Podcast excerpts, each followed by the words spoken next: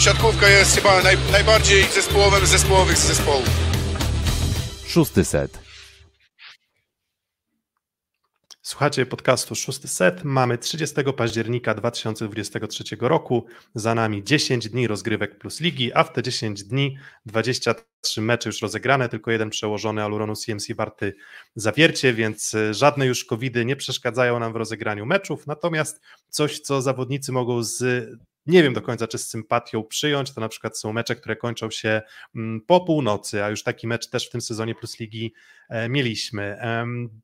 Ze studia w Warszawie wita Was Piotr Złoch i opowiemy po tych trzech kolejkach o naszych wnioskach mm, na temat w zasadzie każdej z drużyn Plus Ligi. Tak jest, witajcie. Filip Korfanty ze studia w Rzeszowie z tej strony, cześć. Witam serdecznie, Kuba Lewandowski, tym razem z Warszawy, cześć. W zeszłym tygodniu, gdy rozpoczynaliśmy naszego live'a, mieliśmy za sobą mecz e, Norwidu Częstochowa, chyba debiut, debiutancki w, e, w Plus Lidze. Jeżeli dobrze pamiętam, to był poniedziałek. Um, teraz w tym tygodniu, w poniedziałek o 17.30 Plus Liga uraczyła nas meczem GKS Katowice e, kontra Ślepsk Malow Suwałki. Mm, no i od tych dwóch drużyn zaczniemy to omówienie. Ślepsk Malow Suwałki wygrywa no chyba bardzo, chyba pewnie, albo nawet i bardzo pewnie wygrywa 3 do 0 e, z GKS-em Katowice. Mm, no i może od triumfatorów tego meczu zaczniemy, czyli Ślepsk Malow Suwałki. E, trzy punkty zdobyte z GKS-em Katowice, dość łatwa porażka, to Filip na pewno oglądałeś mecz z Resowią e, i na otwarcie sezonu Ślepsk Malow Suwałki trzy punkty właśnie z mm, Exact System, Systems Hemarpol Częstochową, czyli sześć punktów.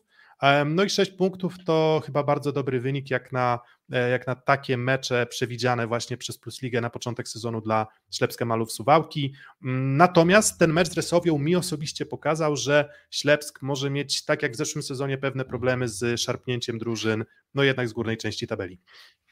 Właśnie o tym samym pomyślałem po tym meczu dzisiejszym w Katowicach, że potrzebuję sobie przypomnieć, czy Ślepsk ograł jakiegoś takiego bardzo mocnego rywala w tamtym sezonie. I tak nie było. Nie wygrali ani jednego takiego meczu ze ścisłą czołówką. Zaczęli nieźle od meczu ze Skrą, który wygrali, ale wtedy się okazało, że Skra to nie jest ten potentan tamtego sezonu, więc y, trochę mi to zaczęło przypominać tamten sezon, to co gra aktualnie Śleps, czyli może im trochę zabraknąć argumentu na pokonanie mocniejszych rywali, ale właśnie to też jest na tyle rzetelna drużyna, że będzie raczej w stanie dość łatwo grywać zespoły powiedzmy ze swojej półki albo trochę niżej notowane. Dalej w dużej mierze wiszą na Filipiaku, nie jest do końca pewny Halaba, nie jest do końca pewny Żyga Stern, oni są bardzo mocni, jeśli ma Sanchez dograną piłkę do siatki, jeśli tylko jest piłka dalej od siatki, to lewo już tak dobrze nie kończy. I jest właśnie wtedy nadzieja w mm, Dzisiaj zaczął mecz e, Gaziego, Gaziego, Gajego, nie wiem jak go powinniśmy jeszcze czytać, ale Gaziego nie. mówi komentator, który, który kilku komentatorów w ten sposób wypowiadało, więc umówmy się, że będę się trzymał e, tego. Mm, no i dzisiaj w końcu niezłe spotkanie jego, bo do tej pory mnie rozczarowywał, dwukrotnie został zmieniony w meczu z Resowią, więc nowa postać w Plus Lidze. Cały czas jeszcze nie jestem do niego przekonany, ale dzisiaj już w końcu dobre zawody. No tak, e, gdzieś ten poprzedni, gdzieś te lata przeszłe, drużyna Szerszenia i Tuanigi to była ta drużyna, która potrafiła wygrać na podpromie na przykład, prawda Filip? I zaskoczyć wtedy całą siatkarską publikę. Rok temu to była taka pochwała rzetelności, trochę taki Stref Gdańsk e, w, w mikroskopie, czyli bardzo podobne założenia i bardzo podobna realizacja ogrywania zespołów do siebie jakościowo zbliżonych lub słabszych. I Poszczęściło się trochę terminarzowo. Ty, Piotrek, przecież odnosiłeś się do tego, porównywałeś mniej więcej, jak drużyny trafiły na początku terminarzowo po tym losowaniu, które jest nowością pewnym w Plus Lidze. No i Suwałki trafiły dobrze i to wykorzystują, no bo wiemy, nie chcę mówić banałów, a tak zaczynam, że dobry start pomaga. Natomiast na pewno pomaga zgranie drużyny, bo jednak ta dystrybucja na linii Sanchez, y, Halaba, Filipiak szybkich piłek jest wypracowana rok temu i to jest pewnie coś, co będzie przewijało przez naszą transmisję wiele razy, że jednak Piotrek to zgrane systemy z ubiegłego roku w drużynach, które mają kadrowiczów, powodują, że one mniej cierpią niż inne. Mm, I na pewno Ślepsk Malów Suwałki były jedną z tych drużyn, po których w sumie mogliśmy już pewnie oczekiwać mm, dość dobrej gry na początku sezonu. Tam największym, największym wyzwaniem, czy dwoma wyzwaniami w zasadzie było wplecenie Żygi Szterna do, do drużyny, no i oczywiście odświeżenie sobie, ale też i odświeżenie w dużej mierze mm, relacji boiskowych z Matiasem Sanchezem, mm, bo, bo, bo pozycja rozgrywającego oczywiście wydaje się być akurat tą, która no, tego czasu potrzebuje dość dużo.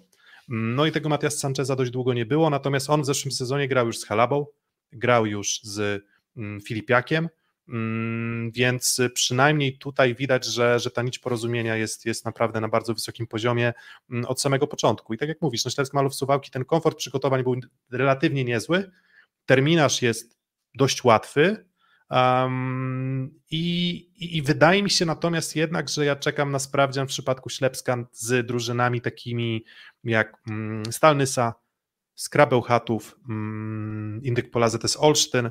Um, to myślę, że to będzie tak naprawdę bardzo dobry sprawdzian dla Ślepska Malow Suwałki i on nam pozwoli ocenić, czy to jest drużyna tak właśnie bardziej 10-11, czy może w tym sezonie się do tych playoffów, e, playoffów już e, wbiją. Na ten moment po prostu wykorzystywali też jakoś tam pewne słabości sportowe dwóch rywali, przy czym no jeżeli chcesz wchodzić do playoffów, to paradoksalnie czasem wcale nie musisz wygrywać z tymi lepszymi, a właśnie to rzetelne punktowanie e, musisz prezentować, no i Ślepsk jak na razie od tego zaczyna.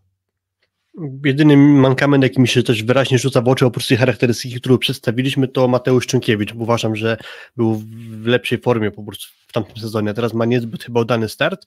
Wydaje mi się, że sporo takich mm, elektrycznych przyjęć w jego wykonaniu i takich zagrań, które mm, no raczej mi tego libero nie przypomina to, co on prezentuje, więc tu jeszcze na pewno jest do dopracowania sytuacja, więcej wygodnych piłek dla Sancheza. No i drugi aspekt, który moim zdaniem będzie ciekawy do śledzenia, to Maksim Buczyliewicz, czyli serbski rozgrywający, który widać chyba będzie dostawał sporo szans od Dominika Papisiewicza, może właśnie jako wykorzystanie jego wzrostu, to znaczy to nie jest wiel, wielkolud, ale na pewno lepszy w bloku niż Matias Sanchez, który swoją drogą dzisiaj zanotował pierwszy punktowy blok tego sezonu, bo niespodziewanie przesunął się na lewe skrzydło swojego zespołu i atakujący Damian Domagała się wpakował w jego ręce, więc Matias Sanchez debiutancki blok tego sezonu ma już za sobą. Ja bym powiedział, że właśnie te, te, to, co powiedziałeś, yy, czyli ten blok Sanchez jest pewną alegorią początku sezonu Katowic. Nie wiem, czy to już pora, żebyśmy woli do Katowic przechodzili, ale generalnie kwestia jest taka, że w Katowicach to prawe no nie działa. Masz dwóch równych atakujących i na ten moment równie to nie działa. Takie mam przynajmniej wrażenie. Pytanie, czy lewe działa, bo ja mam wrażenie, że tam tak naprawdę żadna strona w ataku, żadna flanka nie działa, ani prawa, ani lewa, bo Widzicie, domagała może niezły mecz z Warszawą. tak. Nie, niezły mecz Damiana domagały z Warszawą, nie super, ale powiedzmy, że niezły. No ale dzisiaj to już dość szybko nadawał się do zmiany, wszedł Jakub Jarosz, no i niewiele tak naprawdę prowadził swoją grą, jakby to, że jest problem naprawdę to jedno, ale też na przykład Kuba Szymański nie gra dobrze w ataku, z Warszawą grał wręcz bardzo źle, wszedł Waliński i też niewiele to dało. I chyba nawet Bartosz Mariański po tym meczu z Warszawą mm, mówił o tym właśnie, że musisz tam chyba otworzyć atak, czyli trochę więcej wszechstronności w kończeniu ataku musi się pojawić, bo póki co chyba właśnie atak jest największym mankamentem. Może się rozwinie trochę jeszcze Wasina, mm, może właśnie Kuba Szymański wróci do lepszej formy, tylko pytanie, czy to nie jest problem trochę innej natury, to znaczy z rozegraniem, bo mnie na przykład Łukasz Kozub nie przekonuje póki co, aczkolwiek zauważyłem pewien postęp, bo dzisiaj chyba starał się trochę więcej pipa do, dokładać do y, rozkładu ataku, nawet jakieś pipy przez plecy, trochę krótkich przez plecy, więc chyba też sami katowiczanie widzą, że muszą trochę więcej ratować się, może nie szablonowością gry w ataku, ale dzisiaj też sporo błędów z tego wynikało, typu tam ważna akcja w jednym z setów, gdzie Szymański z pipa atakuje w siatkę w dość wygodnej wydawałoby się sytuacji, bo bez bloku, ale chyba piłka była niedokładna i dlatego nie skończył, więc jeszcze sporo tam piachu w katowickich trybach jest do mm, odkopania. Mm, jedna postać, o której w sumie mm, dosłownie trzy zdania, nawet nie chcę, nie chcę się tutaj bardzo rozwijać, e, Giga Stern. Mm, bardzo dobre wejście do ligi i to nie jest zawodnik, który wydaje mi się ma po prostu parametry fizyczne i, i skoczność, siłę, która e, predestynuje go do gry o medale plus ligi, ale, ale, ale faktycznie to chyba dzisiaj Paweł Szabelski też na Twitterze napisał, którego śledzę. I on powiedział coś, no napisał tam coś w stylu, że widać jakość po szternie.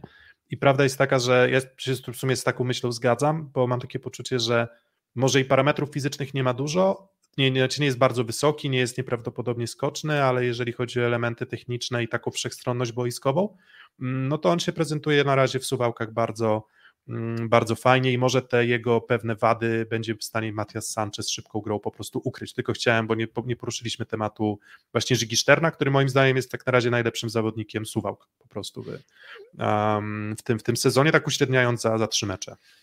To ja myślę, trochę że bliźniak. Tak, zgadzam się z Filipiakiem, ale Stern taki bliźniak Martineza trochę, prawda? Czyli ta, taka osoba, która ma gdzieś pełnić funkcję kleju techniczną i to się sprawdza.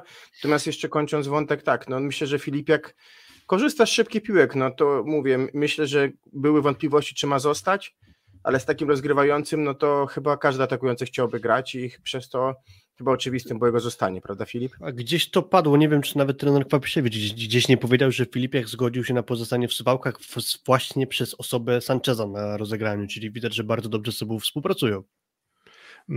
W GKS-ie Katowice, już tak przychodząc może do, do tej drugiej drużyny, powiedzieliście bardzo dużo o problemach ofensywnych, natomiast no, Katowice chyba, żeby punktować w tej lidze i żeby grać, to muszą być drużyną taką, jaką były w ostatnich kilku sezonach, czyli taką drużyną dość kompletną wszędzie. Nie mówię, że wybitną wszędzie, ale dającą jakość w zasadzie z każdej strefy przyzwoitą. To nie jest tak, że może poza Szymańskim, który, który faktycznie dawał jakieś takie momenty, przebłyski w swojej karierze tutaj w Katowicach, że on może grać na takim poziomie naprawdę bardzo wysokim, zresztą e, powołanie do reprezentacji też, e, też, też nie wzięło się z niczego. Tak wydaje mi się, że jednak to drużyna, która systemowo musi się e, pozbierać, a na razie wygląda na to, że właśnie systemowo nie są w stanie, tak jak mówiliście, ani za bardzo stworzyć sobie jakiegoś pomysłu na kończenie piłek w ataku, ani za bardzo nie mają presji na zagrywce, która jest w stanie e, łamać rywala. Mm, nie chcę mówić, że to jest rozczarowanie, bo jak gdzieś tam Katowice widziałem na miejscu w okolicach 12-13, więc w sumie jeszcze wszystko przed nimi. Natomiast no, wyniki widzimy e, na ekranie w tym momencie. 0-3 z Treflem Gdańsk, 0-3 z projektem Warszawa wliczone wydaje się trochę w cenę i takie normalne, że, że na wyjeździe z Warszawą przegrywają, ale już brak punktów ze Ślepskiem Malow Suwałki, brak seta i te sety przegrane do 19 i 16 moim zdaniem są dość niepokojące jak na drużynę, która jednak przygotowywała się w dość szerokim składzie praktycznie większość czasu mm, do ligi. Tutaj nie ma wymówki, że dołączył Wasina, ale on też nie gra non-stop, a w zasadzie cała reszta była już ale na miejscu też dołączył, y, co, no i, dużo szybciej, nie grał w eliminacjach do Igrzysk, także nie dołączył tak późno, ale tak, mm, zawsze nie, no, grał. Znaczy nie, no właśnie nabył na kwalifikacjach. O Jezu, przepraszam was, tak. I y, on, on, on dość późno, w sensie on jeszcze po tych kwalifikacjach dostał chyba tydzień wolnego, więc on tak naprawdę dość późno dołączył do zespołu,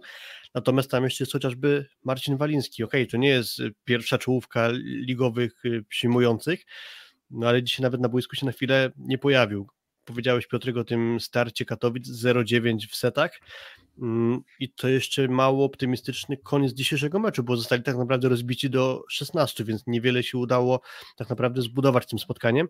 No i jak się jeszcze popatrzy na kalendarz Katowic, no to mamy teraz mecz w Zawierciu, u siebie grają z Jastrzębskim Węglem i wyjazd do Kędzierzyna Koźla, więc 14 listopada około jest ten mecz w Kędzierzynie, więc może się zanosić na to, że około połowy listopada realny scenariusz będzie taki, że będą bez zwycięstwa. Kto wie, czy nawet nie będzie 0,18 w setach. E, rok temu były sytuacje już kryzysowe, gdzie zastanawiano się, sztab chciał się podać do dymisji w jakiś sposób. Wy, wy, wy, wyszła drużyna z tych problemów, ale trochę jest tak, że my patrzymy na te Katowice sprzed dwóch lat, trzech lat, kiedy wchodzili do playoffów, kiedy byli naprawdę pozytywnym zaskoczeniem, kiedy wyjazd do Katowic to się wiązało z trudnym meczem. A teraz mam wrażenie, że ten cały anturaż też hali w Szepienicach, zazwyczaj niepełnej, granie za często w tych godzinach mało medialnych powoduje, że i nie ma aury plusligowej i ten poziom w tej chwili jest po prostu chyba, chyba najsłabszy lub jeden z najsłabszych, bo nawet tutaj nie ma często punktów zaczepienia, nie ma serii punktowych, nie ma setów nawet na przewagi, tak? To są, to są dość gładkie porażki może te set na przewagi ostatni z Warszawą, tak, gdzie powalczyli w tym tak, trzecim secie. Domagała Asa strzelił w samej końcówce i 24-24 się chyba zrobiło. Dokładnie, no ale to szybko potem e, po błędzie skończył potem e, atak Warszawa, a potem Wałd zaatakował przy meczowej drugiej e, Damian domagała i poza tym no to gdzieś tego punktu zaczepienia nie ma, no i mówię, terminarz, który na początku mógł pokazać mniej więcej skalować drużynę, pokazuje, że tak, Gdańsk mocniejszy, Suwałki mocniejsze, no i potem te cztery mecze z top 4 czy top 5, no to na pewno tu będzie ciężko powalczyć, chociaż paradoksalnie może gdzieś te trudne sytuacje i tu, że nie ma nic do stracenia spowoduje, że ta drużyna się postawi lepszym, no ale jest duża szansa na 0,18. No i na gorącą, wydaje mi się, posadę i gorący temat w Katowicach, no bo szybko dojść zazwyczaj w historii Plus Ligi, mam wrażenie, ustawiały się drużyny na ostatnim miejscu i bardzo było ciężko im z tego ostatniego miejsca wyjść, no bo się pojawia naturalna presja. Natomiast są jeszcze inne zespoły, które nie wygrały spotkania, więc jeszcze sytuacja Katowic nie jest jakoś wyjątkowo gorąca. Będzie sytuacja rozwojowa. Um, no właśnie, no to pytanie, czy chcecie teraz może przejść właśnie do meczu dalej drużyn na poziomie Katowic, czy jednak szukamy jakiejś chronologii? Bo może skoro już tak wywołaliście do, e, do tablicy, to inną drużyną, która też trzy mecze już rozegrała mm, i ma bilans 1 do 9 i właśnie tym bilansem 1 do 9 wyprzedza GKS Katowice, czyli jednym zdobytym setem są mm, Czarni Radom e, i Czarni Radom mm, jeżeli chodzi o poprzednią kolejkę 0-3 z projektem Warszawa. Mm, w ogóle też zwróćcie uwagę, że dość podobny scenariusz na początek sezonu, jaki miał też GKS Katowice, czyli też mecz u siebie e, z Treplem, czyli mecz z Treplem Gdańsk, mecz z projektem Warszawa, no i mecz z trzecią drużyną, z którą wydawałoby się, że Czarni też mogliby, e, mogliby powalczyć. Natomiast jak na razie Czarni Radom bez punktu, jeden set wygrany, no i takie pytanie, które mi się nasuwa, no to czy wrażenia wizualne w Waszej ocenie są lepsze niż ten zeszłoroczny sezon? Bo ja jednak mam poczucie, że troszkę są, pomimo tych wyników, które cały czas są, są jakie są, mm, a, a o poziomie na przykład Luku Lublin też nie pokazał to e, zacięty mecz z Kuprum, pokazała to wygrana Lwowa, więc to nie jest taki monolit. No to jednak mówię, te wrażenia wizualne, ciekaw jestem Waszego zdania, w mojej ocenie są jednak ciut lepsze niż w poprzednim sezonie. Ja się mogę no. zgodzić z tym komentarzem. Czarni mnie nie zawodzą, bo nie miałem żadnych oczekiwań. Zresztą ja robiliśmy odliczanie do Puzdigi, to wytypowałem czarnych do spadku, więc ciężko, żebym ja był rozczarowany tym, co się tam dzieje na boisku. Yy, ale w meczu z Gdańskiem może dawać pewien niedosyt, no bo poza rekordowym setem, tam było chyba 39 do 37 dla Gdańszczan, realnie czarni mieli szansę w tym meczu na punkty to był mecz, nie powiedziałbym, że bardzo wyrównany, ale dość wyrównany i ten mecz, na przykład patrząc na Katowice z Gdańskiem, a na Radom z Gdańskiem, to na bezpośrednim starciu lepiej wyglądał zespół z Radomia. Z drugiej strony trochę się postawiły Katowice w Warszawie w jednym secie, Radom się nie postawił de facto w żadnym, chociaż Radom chociaż ma serię. Mam wrażenie, że to, co różni te drużyny, to jest to, że Radom umie punktować seriami, już było parę takich serii w tych meczach i to, są, to jest między innymi dzięki takiej serii ten set został wygrany trzeci z Gdańszczanami. I może taka seria im pozwoli, mówię, ja na to liczyłem, jeżeli mówiłem o tym, że oni mogą się dość spokojnie utrzymać, to właśnie na takie serie, no i takie serie się czasami pojawiają. Mm, no Myślę, że właśnie... dużo rzeczy, które mówiliście przed sezonem, jeszcze tylko dokończę Piotrek, odnośnie na przykład Melianacza, no to jednak się zgadzają, tak, to jest jednak rewolwerowiec i godny następca y, późnego Aleksandra Tanasiewicza, no. Mm, czy też, czy też wczesnego Michała Filipa, jak też tego przyrównałem, bo, bo po prostu jak żywo przypomina zresztą i rozmiarem bicepsa i ogólnie posturą fizyczną też w całości. Nie trochę tylko, bardziej tylko... szanuję zagrywkę chyba i też może siły zagrywki ze strony atakującego trochę mi brakuje, bo siłę na pewno ma dużą, a mam wrażenie, że nie do końca jest w stanie to przełożyć na jakość swojego serwisu. W zasadzie potwierdza się to, co do czego mieliśmy obawy w jego kontekście, czyli duży rozjazd między skutecznością a efektywnością ataku. Już na dystansie tych trzech meczów tak te liczby się po prostu w jego przypadku kształtują. Gdzie czarni mogą szukać jakichś pozytywów, jakiejś iskierki nadziei na przyszłość? Na przykład Wojciech Kraj zagrał koszmarny debiut w Plus Lidze, ale w kolejnych spotkaniach już tak źle nie wyglądał. Michał Ostrowski to raczej zawsze był środkowy, który za wielkiego wkładu punktowego nie robił, no a właśnie kraj już zaczyna trochę więcej punktować, więc może tutaj jest jakiś potencjał. Nawet trochę mnie zaczął psuć zagrywek, bo w przedostatnim spotkaniu, czyli tym, który e, Radom przegrał z Gdańskiem, on zepsuł chyba 9 zagrywek. To mnóstwo, ale już potem widać, że chyba trochę idzie ku lepszemu. Ciekawi mnie sytuacja na przyjęciu, bo sądziłem, że Paweł Wójcki sobie wypracuje taką klarowną parę, którą będzie starał się ogrywać. Widać, że uparcie stawia na Hofera, wierząc w niego. Myślę, że to ma sens, że to jest gracz na tyle technicznie poukładany, że przy pewnych warunkach on zacznie się spłacać, funkcjonować ok, ale już obok Rafała Buszka, to nie jest dla mnie zaskoczenie, że nie gra Rafał Buszek dobrze, ale zaskoczeniem jest to, że na początku dostawał szansę, a dopiero teraz wszedł Piotrowski do szóstki. Mm, Sądzę, że to właśnie będzie Piotrowski z Hoferem dalej grał, a czego tak nie było do tej pory, to, to nie mam na to koncepcji. Mm, Ale pewnie trochę gra czarnych się poprawi, ale na razie to ciężko widzę. Mm, Ale zgodzicie się chyba, że właśnie mm, Hofer jest postacią chyba najjaśniejszą jak do tej pory. Poza pojedynczymi tam takimi strzałami Merianaca, to wydaje mi się, że e, no, ktoś w każdej drużynie ktoś musi zdobywać punkty. Um, i, I wydaje mi się, że takie nawet dokładanie w tych meczach, tak nie wiem, trzech, czterech punktów na set ze strony Hofera jest sygnałem, że to nie jest taki, wiecie, zupełny pozorant. Jak można byłoby się, by się obawiać, może, czy obawiać, może nie, nie, nie spodziewaliśmy się, że będzie pozorantem, bo, mm, bo też gdzieś w okolicach reprezentacji Kanady, e, Kanady był, natomiast różnie bywa z tym wejściem do ligi, to wejście moim zdaniem jest niezłe. To nie jest, nie jest problemem właśnie Hofer, tylko problemem są inne postaci, problemem jest trochę też w ataku brak odejścia na, na środku, e, wydaje się takim, takim porządnym, Mm, natomiast i może też drugi przyjmujący, który w zasadzie kto, kto nie gra, to jak na razie sobie nie radzi. Natomiast sam Hofer uważam, że, że jest e, solidny. Nie, nie powiem, że to będzie zbawca naszej ligi. Ty Kuba rzuciłeś chyba takim stwierdzeniem w odniesieniu do, do któregoś tam zawodników, ale, ale jak na razie swoją wartość na takie oczekiwania, jakie mamy względem Radomia, to moim zdaniem on dostarcza. I ja to rzuciłem do Todorowicza właśnie w temacie y, Radomia i nie wiem, jak wam się podoba jego gra, bo wydaje mi się, że wiadomo, krajec y, szyje tak, jak mu materiału staje, chyba tak mówi polskie przysłowie. Ja nie jestem mistrzem i języka polskiego, i polskich przysłowiów, ale wydaje mi się, że tak. Myślę, że nieźle, nieźle, nieźle. Myślę, Prawie- że nieźle. Tak, Ale tak, nie, myślę, że nieźle y, kraja. tak krawiec kraje, jak mu materii staje, chyba tak leci to przysłowie dokładnie.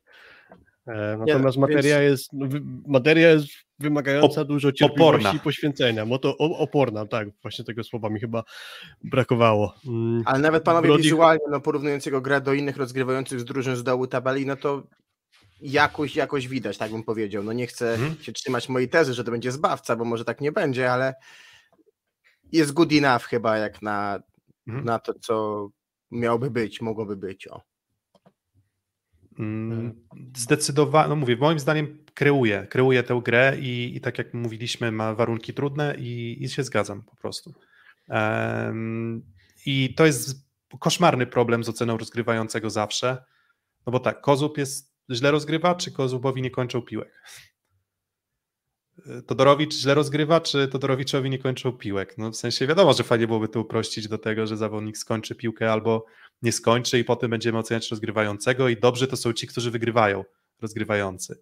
Ale, ale, ale wizualnie wygląda to moim zdaniem e, przyzwoicie. Mm, Nie jest, to, nie jest to problem czarnych na ten moment. Mm, A nawet powiedziałbym, że atut.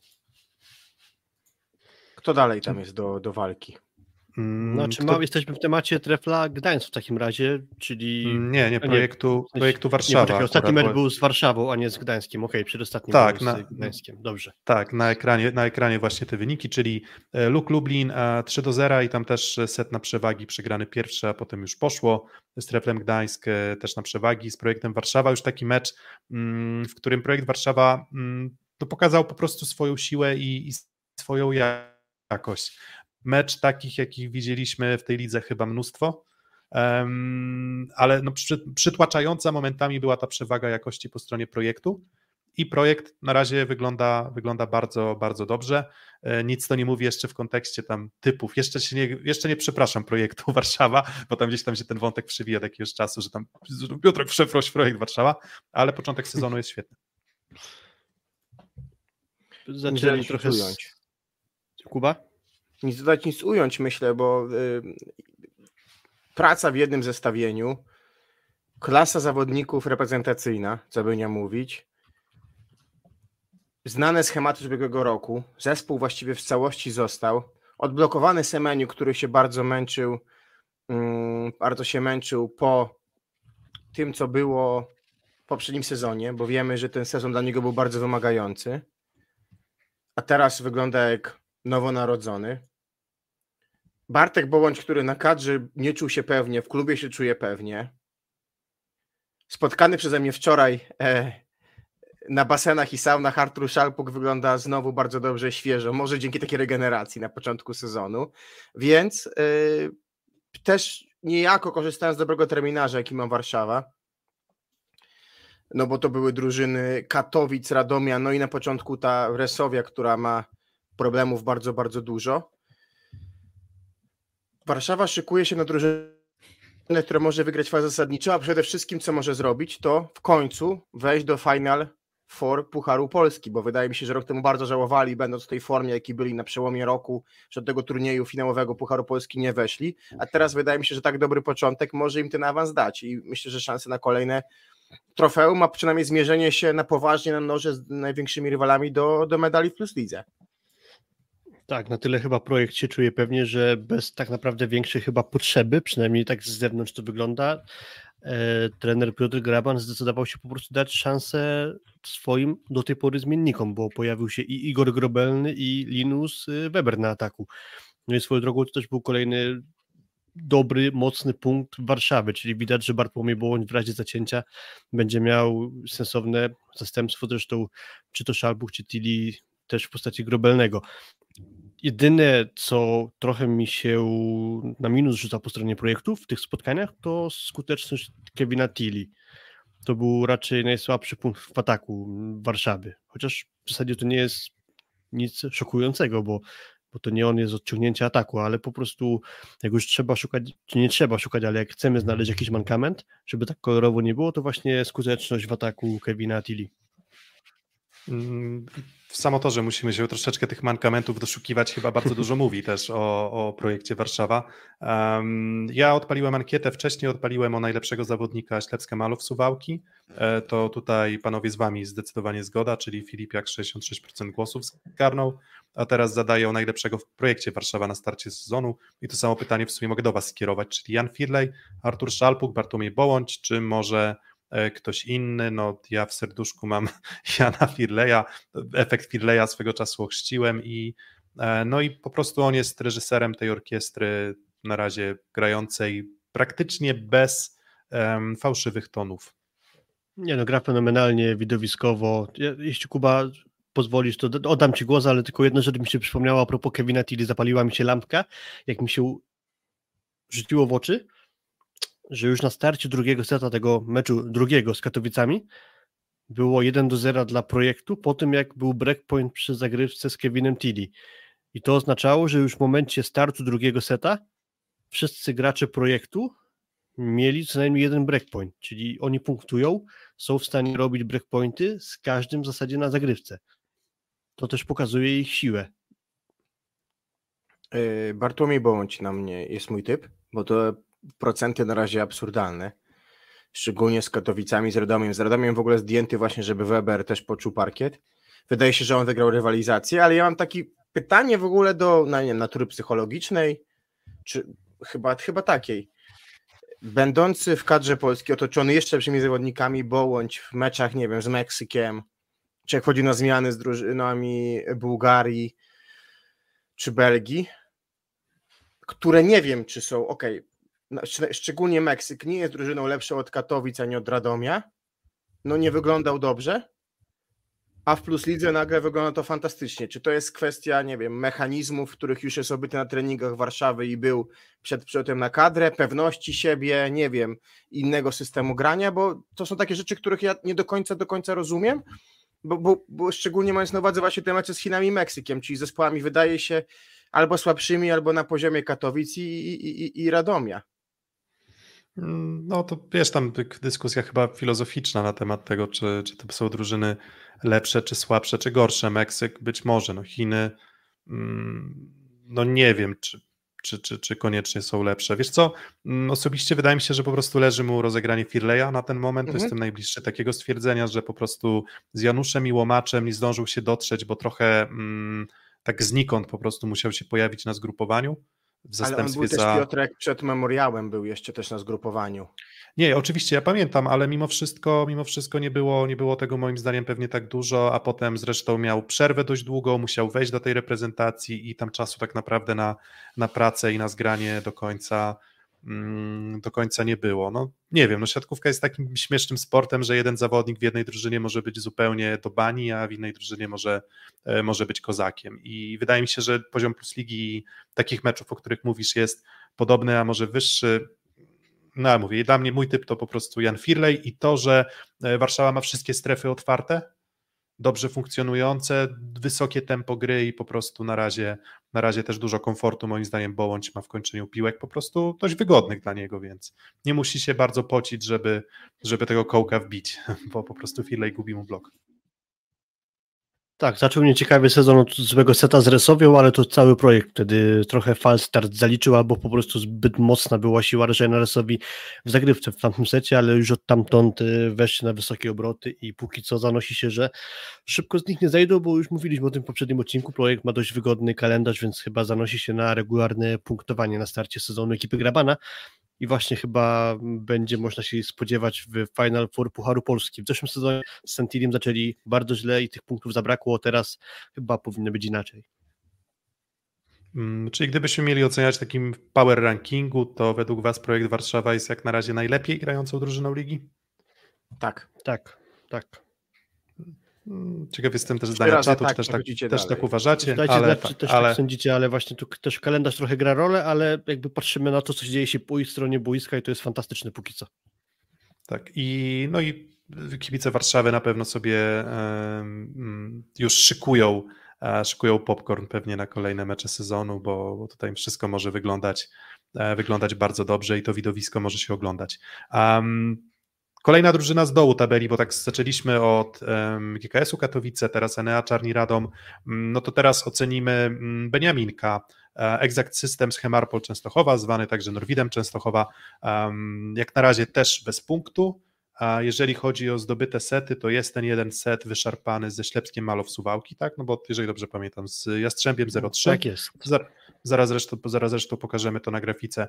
E, trzech spotkań jeszcze nie rozegrali, dlatego że ten mecz z Aluronem CMC warto zawiercia, jak widzicie, 9 listopada, przełożony z uwagi na europejskie puchary zawiercia. Um, największe rozczarowanie chyba jak do tej pory e, to jest postać Dawida Dulskiego mm, w Norwidzie Częstochowa. Mm, może poziom oczekiwań względem tego młodego wszak chłopaka um, był ciągle ciut za wysoki w stosunku do jego rzeczywistego potencjału. Może te liczby z zawiercia, gdzie miał wokół siebie kolegów dużo lepszych, um, może tuszowały pewne problemy, jakie, jakie Dulski ma ze swoją grą. Natomiast no, jedno z rozczarowań chyba początku sezonu. Wszyscy liczyliśmy, że on tutaj z buta wejdzie, a okazuje się, że w sumie Borkowski wchodzi za niego i wygląda momentami po prostu jak lepiej i jest skuteczniejszy zgrana drużyna z poprzedniego sezonu e, w kontekście właśnie Borkowskiego, czy w kontekście Koguta, i zawodnicy, którzy gdzieś na tym pierwszym poziomie pierwszoligowym udowodnili swoją jakość, niekoniecznie muszą odstawać od, od plus ligowców, czy tych, którzy grają w poprzednim sezonie w plus lidze i ten przykład właśnie atakujących podałeś. Myślę, że to też jest tak, że ten bagaż oczekiwań, który był nałożony i to, że mówiono, że to ma być drużyna Dulskiego, to też jest moim zdaniem dużo na sam początek, ale powiedziałbym tak, ja sam byłem ostrożny co do niego, ale dałbym mu dalej czas i chciałbym może pochwalić w tym miejscu Damiana Koguta, bo chłopak zżyty z tą drużyną, grający tam od nastu lat, od właściwie od juniora, y, dostaje... Z przerwą na sezon w Katowicach. Tak, ale dostaje tak naprawdę tak, prawdziwą tak, pierwszą szansę w wyjściowym składzie, prawda, e, w Plus Lidze i wygląda bardzo optymistycznie. Był na uniwersjadzie, spodobał się tam, bardzo fajna zagrywka, ja bym powiedział, że taki trochę Paweł Rusin, e, tylko z lepszymi warunkami fizycznymi, podobna charakterystyka. Nie wiem, czy się zgodzicie ze mną. I myślę, że to jest charakterystyka dla niego, która miejsce w Plus Lidze, czy to w drużynach, które gdzieś tam są poza playoffami, czy też które będą walczyły o, o playoffy, ale jako trzeci, czwarty przyjmujący może dać, bo to jest taki człowiek, który wydaje mi się z aspektów czysto siatkarskich naprawdę ma mało mankamentów wyraźnych. Mm, no, Zgadzam się, lider Częstochowy, taka... natomiast brakuje Co? trochę tła. Piotrek, proszę. Nie, wiesz co, chciałem, nie, chciałem tylko powiedzieć, że taka pula graczy Staszewski, Waliński, to, to myślę, że to jest mniej więcej, mniej więcej taki, taki punkt odniesienia, czyli w dobrych warunkach um, z lepszymi kolegami. Um, ja osobiście na starcie sezonu takim przyjmującym do pary na przykład, nie wiem, z, z kimkolwiek, takim zbalansowanym w AZS-ie bym nie pogardził. Właśnie Damianem, Damianem Kogutem, obserwując to, jak gra. Um, taki zawodnik, który też mam wrażenie, że na początku sezonu nie jest taki czarno-biały, bo jak masz zawodników, którzy raz grają ci fantastycznie, a raz gorzej, no to oni niestety swoją charakterystyką trochę drużynę potrafią zdestabilizować. Tutaj nie wiem, dajmy na to Klement Czebur, tak? Nic nie gra albo gra wszystko. Nic nie gra, to Resowia przegrywa z zawierciem, łatwo sety, idzie na pozycję atakującego, zaczyna kończyć wszystko. U Koguta mam wrażenie, że tych odcieni szarości jest dużo, ja sobie je cenię po prostu mm, w drużynie, w której no, on może spełniać różne role. Może zabezpieczyć przyjęcie, bo kilka też już bardzo dobrych e, meczów w tym przyjęciu e, w tym sezonie zagrał. E, na siatce jest wystarczająco dobry na, na poziom ligi i zgodzę się po prostu. W sensie takie, nie powiem, że odkrycie, bo nie wiem, czy można nazywać go odkryciem też, nie wiem, w, wieku, w którym jest, ale, ale jeżeli oceniamy go jako jego pierwszy tak naprawdę moment regularnej gry w Plus Lidze, no to jest super, serio. Ale też, panowie, bardzo ciężko w tej chwili wysnuwać wnioski bo, dla drużyny z Częstochowy, bo możemy opierać tylko pierwszą kolejkę, którą żeście dość dokładnie omówili yy, tydzień temu, bo mówmy się, przyjeżdża ciebie mistrz, nakręcony Huber, zespół, który jest zgrany z poprzedniego sezonu w dużej mierze z to New Team, Patrick, który zna to Newtiego, no i tak naprawdę ten sedlaczek dostaje szansę być wkomponowany, tak? I naprawdę to dobrze w tym meczu wygląda. E, I panowie, no o czym w tym meczu tak naprawdę ciężko wysnuwać wnioski dla, dla Częstochowy, więc wydaje mi się, że po prostu możemy je bazować tylko na pierwszym meczu. Możemy mówić o tym, że Dulski dostaje zmianę, no ale myślę, że blok Hubera i Patiego na przykład, czy Hubera i Fornala, no to to są największe ciężary w lidze praktycznie, albo jedne z największych. Możemy się tylko spływać nad Jastrzębiem w kontekście tego, mm, jaki tego transferu dokonali w postaci środkowego. I chyba nikt się nas nie spodziewał w kontekście tego, że y, jakby jego z końcówki sezonu, czy ze środka sezonu, kiedy wraca po kontuzji, kiedy był kontraktowany przez Jastrzębie, jakiego ogromnego kalibru to będzie transfer bo skupialiśmy się przed nagraniami, przed ligą odnośnie spadku jakości na lewym skrzydle w kontekście bloku Kleveno i przyjścia Sedlaczka, który się początkowo nie odnalazł, a, nie, a to jednak ten impact ze środka może być ogromny i myślę, że to w kontekście Jastrzębia należy podkreślić, ale też ja mam takie poczucie, że będzie się przez naszą transmisję przewijać wiele razy takie poczucie ciała obcego. I na przykład Adrian Markiewicz jest ciałem obcym w Jastrzębiu na razie no podobnie tak jak Andreas Takwam chociażby, ale do grania Zaksy jeszcze dojdziemy. Ja tylko może zamknę ze swojej strony temat Norwida, czy też Exactu System z Hemarpolu Częstochowy. Mają w cudzysłowie komfort tego, że nie mają pilnej potrzeby punktowania już teraz, bo wiemy o co oni będą grali, o to, żeby się utrzymać w plus lidze, więc oni czas na złapanie punktów będą mieli tak naprawdę do końca jeszcze sezonu i, i nie mają jeszcze podbramkowej sytuacji to sprawia, że trener Chudziak chyba cały czas na bieżąco jeszcze stara się testować różne warianty. Jest to drużyna dla mnie nadal w proszku, pomimo startu sezonu i już trzech kolejek w zasadzie za nami, a dwóch meczów Częstochowy, bo zaczął taką samą szóstką jak pierwsze spotkanie, ale zmian już było sporo, bo i pojawił się Tomasz Kowalski na dystans y, ponad jednego seta, bardzo szybko zmieniony został Durski, żeby większy dystans do grania dostał Borkowski, wymiana obu środkowych w trakcie tego spotkania, e, Rafał Sobański dwukrotnie wchodził za mm, Oskara Espelanda i w pierwszym meczu i w tym drugim. I czuję, że już na trzecie spotkanie będzie to podstawowy przyjmujący do pary z Kogutem. Natomiast cały czas jeszcze nie mieliśmy na boisku możliwości obejrzenia Kaleba Jennesa, Jennisa, y, amerykańskiego przyjmującego. Nie mam informacji co do niego, czy to jakaś kontuzja, czy po prostu na razie jeszcze czeka w kolejce do grania, ale tych zmian jest bardzo dużo i chyba jeszcze nie do końca wiemy, jaka jest y, wyjściowa szóstka zespołu Częstochowy, no ale właśnie to jeszcze nie jest pilna potrzeba, by punktować, bo raczej nie na wygrywanie z Jastrzębiem liczą w Częstochowie, po prostu trzeba trochę czasu jeszcze. Na, ale właśnie to, to jeszcze tak rzucając ostatnie zdanie z mojej strony o Norwidzie, um, nie wiem, czy indywidualnościami i postaciami to jest koniecznie drużyna lepsza niż BBTS zeszłoroczny, no bo jednak był tam Heinz, jednak był tam Zimmerman. Mm, ale jeżeli oceniłbym porządek na boisku, to moim zdaniem ten porządek już widać od samego początku, a że po prostu indywidualności na razie nie styka na to, żeby, e, żeby rywalizować, to, to, to wiecie, no mamy porównanie GKS-u Katowice grającego ze Ślepskiem i Norwida, Norwidu, Norwidu chyba, e, Częstochowa. Znaczy, wielokrotnie słyszałem Norwida w telewizji, a to jak nie komentatorzy telewizyjni mają najlepiej wiedzieć, aczkolwiek nie zawsze jestem do tego przekonany. E, w każdym razie zmierzam tylko, zmierzam tylko do tego, że w bezpośrednim porównaniu GKS-u Katowice na tle Ślepska Malow Suwałki Częstochowa wypadła lepiej. Więc jeżeli szukamy prognostyków pozytywów dla Częstochowy, to wydaje mi się, że, e, że tak to wygląda. Jeżeli chodzi o Jastrzębski Węgiel, postaci, które no nie wiem, chciałbym zapytać, no to Norbert Huber w zasadzie, Kuba skwitowałeś jego postać, potężna wartość, nie trochę wartości, tylko być może kandydat na najlepszego gracza ligi na ten moment, przynajmniej po, po, po tym, co prezentuje. Ale ja mimo wszystko chciałem zapytać o ocenę bohatera Żana Patry, mm, który wydaje mi się, że dobrze wkleił się w, mm, w model gry, w system gry Jastrzębskiego, mm, Jastrzębskiego Węgla, ale już ten mecz właśnie z Częstochową to już był taki trochę powrót koszmarów, czy też obaw, które mieliśmy przed sezonem związanych z, z Francuzem. No tak. Niby Francuz, a jakże inny od Boye. To na pewno jest błogosławieństwo tej kadry, że są taki inni, ale Patry to jest postać, która nie wiem, czy będzie rezonowała razem z Sedlaczkiem. To jest takie pytanie, które mam, bo zastanawiam się teraz, kto będzie od tak naprawdę gry na wysokiej piłce z zespołami na bardzo dobrze zorganizowanym bloku. Nie wiem, czy jest taka postać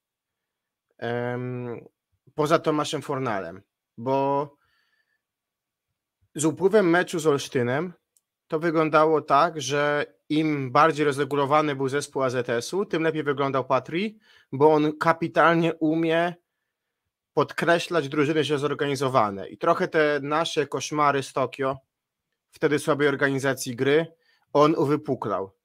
A na przykład początek, kiedy nie dość, że straszył AZS zagrywką, to jeszcze to wyglądało w mojej ocenie naprawdę nieźle, jeżeli chodzi o organizację gry. No to on tak dobrze nie wyglądał i właśnie Częstochowa, która mimo braku siły fizycznej, co jest zorganizowana, no to już tak nie błyszczał i moim zdaniem to gdzieś będzie wyzwanie, zagranie na przykład jego przeciwko Gdańskowi. Którzy drużynie bardzo zorganizowany i pokaże mi moim zdaniem jego jakość w kontekście też big games y, dla Jastrzębia. To, to, to moje zdanie. Znaczy on mi też dobrze pasuje do takiego grania z niezbyt wygodnych piłek y, i pod tym względem to go różni od Stepena Boye, który po prostu szedł na siłę i rozbijał blok, a Patry jest bardzo dobrze w stanie wykorzystywać właśnie jakieś ewentualne niedociągnięcia po drugiej stronie siatki, że po prostu Boye jakby się na niego nie ustawić, to czasem na jego siłę fizyczną nie ma rozwiązania, to Patry jak tylko da mu się gdzieś y, centymetr miejsca, to on ten centymetr po prostu wykorzysta i jakoś tam piłkę zmieści, więc do takiego technicznego grania on mi bardzo dobrze pasuje. Tylko trochę nie wiem, czy nie braknie mi w całej koncepcji Jastrzębia właśnie takiej brutalnej siły fizycznej, którą dawał Boje, a nie dają pozostali skrzydłowi, bo ani Fornal nie należy do takich graczy, ani Sedlaczek, ani Szymura, więc y, cały czas tutaj będę jeszcze czekał na to, ile będzie w stanie to Newt z tego Patriego wycisnąć, bo na razie jeszcze nie miał takich warunków ciężkich postawionych, żeby musiał decydować o być albo nie być w kontekście trzech punktów czy wygranego meczu dla Jastrzębia. No jak do tej pory taki mm, powiedziałbym przyprawa w tym garze, bo tak jak Hubert to kawał miecha na obiad, że tak to ujmę, tak, tak akurat Jean Patry to jest takie uzupełnienie, taki suróweczka bym powiedział, czyli jakby pomaga i fajnie, że jest urozmaiceniem i jest na pewno bardzo mocnym elementem obiadu jastrzębskiego, jak już idziemy w stronę takich gastronomicznych porównań, e, tak, tak wydaje mi się, że inaczej, on te pierwsze dwa mecze zagrał naprawdę bardzo bardzo solidne. No tutaj cięż, ciężko, jest mi się, ciężko jest mi się do niego doczepić. E, no i od początku widać, że to jest zawodnik, który, który też nie ma wyraźnej słabości w elementach takich jak, nie wiem, blok obrona czy zagrywka. Nawet można by powiedzieć, że to są jego atuty. Mówiliśmy o tym zresztą przed sezonem, że nie wiemy jak będzie z atakiem, a w tych elementach on już od początku, od początku jakość, e, jakość pokazywał. No i kto wie, no może po prostu na razie to Newt jest w stanie ukryć e, te problemy. Jeżeli się pojawiły. Mm, Ryan Sclater wszedł w, w już z Częstochową na, na ciutkę dłużej, um, właśnie już, już na pozycji, nie jako tam podwójna zmiana, tylko na, na pozycji. Um, I zapunktował tak samo jak Patry, 7 punktów. Mm, dokładnie i chyba tam z, z ciut lepszą skutecznością, natomiast tak jak mówię, to nie będziemy tylko sprowadzać oceny zawodnika do, do skuteczności. Natomiast cały, cały Jastrzębski Węgiel wygląda po prostu dobrze na początku sezonu. Tak jak my mówiliśmy o projekcie Warszawa, że być może najlepiej grająca drużyna, tak bym miał szukać drugiej najlepiej grającej drużyny, systemowo i jakością pokazywaną na boisku, to wydaje mi się, że byłby to właśnie e, Jastrzębski Węgiel na ten moment. Przynajmniej takie jest, e, takie jest moje zdanie. Oczywiście, może to w pewnym sensie wynika z tego, że to Newty znał się już z Patrim, że przyjęcie w zestawieniu, nie wiem, Szymura, Fornal, Popiwczak już też ze sobą ciutkę pograło, Mm, że Norbert Huber jest w takiej formie, że jakiej piłki mu to Newton nie rzuci, to on w zasadzie potrafi ją skończyć, e, ale, ale potężna siła defensywna na razie Jastrzębia. To jak wyłączyli na przykład AZS w meczu, jak już zaczęli się nakręcać, no to czapki z głów, serio, w sensie tam podbijane było wszystko, e, dobra organizacja kontry, tam no nie było, nie było przestrzeni nawet żadnej, e, kilku punktów nawet AZS nie był w stanie wyszarpać w serii, tylko w zasadzie pewny side-out przy, przy, przy zagrywce rywala, mm, a, a jeżeli chodzi o powstrzymywanie ataków AZS-u, to chcesz zablokować punktowo, zablokujesz punktowo, zagrywką łasową dokładali, więc na, te, na, na tym etapie moim zdaniem to numer, no, numer dwa w lidze Jastrzębski Węgiel. No też oglądanie Indykpol AZS był zespołem, który jest moim zdaniem fajnym papierem lakmusowym dla faworytów na początku. W tym kontekście, że bardzo takim mikroskopem, pod którym dużo widać. I też te mecze, które grał i z, i z Jastrzębiem, i z Zawierciem, i z Zaksą były bardzo różne i pewnie do tego przejdziemy w omówieniu kolejnych drużyn. No to pytanie, które drużyny chcecie teraz e, wziąć na tapet? A czy dalej kontynuujemy ten, e, ten powiedzmy dół tabeli? A może jeżeli, górę? A może górę? Dobra, to jak już zaczęliśmy o Jastrzębskim Węglu, to projekt mamy za sobą, Jastrzębski Węgiel mamy za sobą. No to co, no to może mecz y, Trefla Gdańsk. Trefl Gdańsk też korzysta z dobrego terminarza. E, zaraz pokazujemy e, ostatni mecz wygrany wczoraj 3 do 0 z Barkomem Karzany Lwów. Wcześniej 3 do 0 w, w ogóle trzy mecze wyjazdowe też, na co warto zwrócić uwagę. Um, więc e, nic sobie z tego Gdańsk na razie nie robi. I tak jak mówiliśmy o Ślepsku Malow Suwałki, że tam jest wystarczająco dużo jakości, żeby powtarzalnie punktować ze słabszymi, no to jak widzimy to zestawienie wyników na naszych ekranach, czyli 3 do 0 z Katowicami, 3 do 1 z Radomiem i 3 do 0 z Lwowem, mm, no to nawet jak Sasak może być postacią ciężką do oceny e, jako atakujący, bo, bo zaczął bardzo dobrze, a kolejne powiedzmy dwa mecze już były takie sobie, Mm, no to jednak znowu mówimy o pewnym systemie gry i Ślepsk Malow Suwałki ma go wypracowany i to wystarcza na tych słabszych. No i chyba Kuba Tref też e, tym systemem na razie mm, dominuje. Trudno mi powiedzieć, kto w zasadzie w tej drużynie jest takim jednoznacznym liderem. Może Sawicki.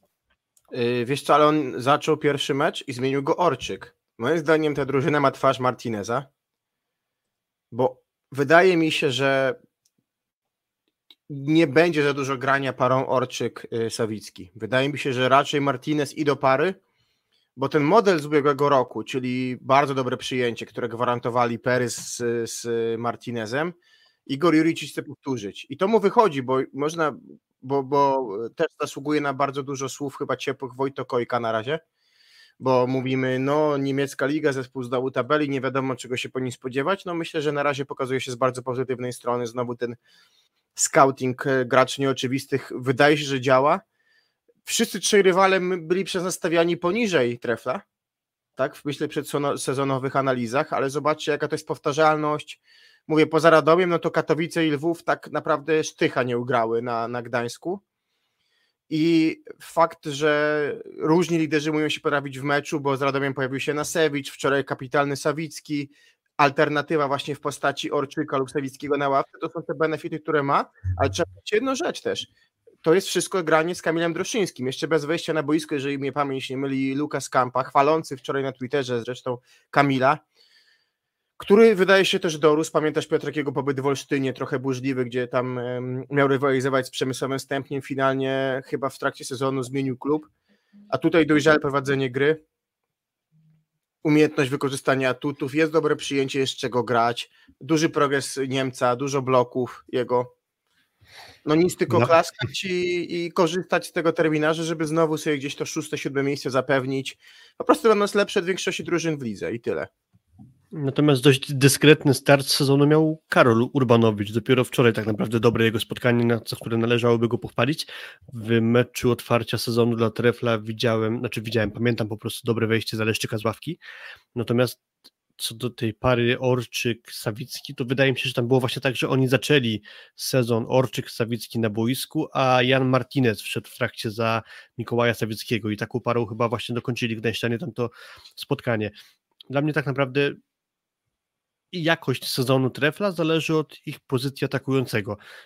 Nie mam wątpliwości, że para Sawicki z Martinezem się obroni, w razie czego wsparta jeszcze Piotrem Morczykiem, natomiast przede wszystkim tam dużo będzie zależało od Kevina Sasaka i ewentualnie wspierającego go Nasewicza, bo Kevin Sasak e, dobry pierwszy mecz, w drugim zmieniony dość szybko przez Nasewicza, który dał dobrą zmianę, no i wczoraj niezły pierwszy mecz Sasaka, e, pierwszy set Sasaka, a drugi już taki, że czułem, że za chwilę może nastąpić zmiana znowu. Przytrzymał to trener Juricic i w trzecim już to znów wyglądało nieźle, ale nie do końca jeszcze cały czas przekonująco.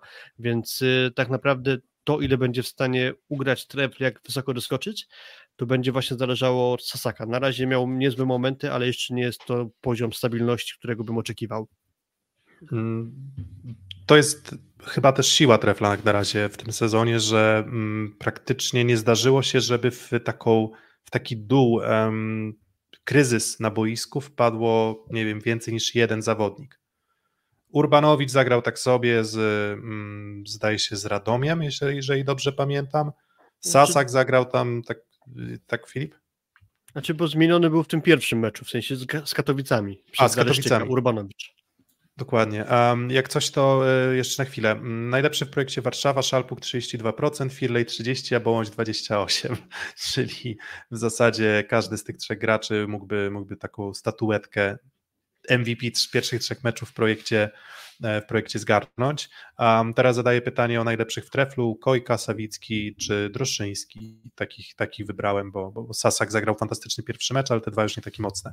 Więc no, siłą jednak drużyn i trefla w zeszłym sezonie i, i teraz jak na razie na początku sezonu też jest to, że e, mówię, jedna osoba może grać słabiej.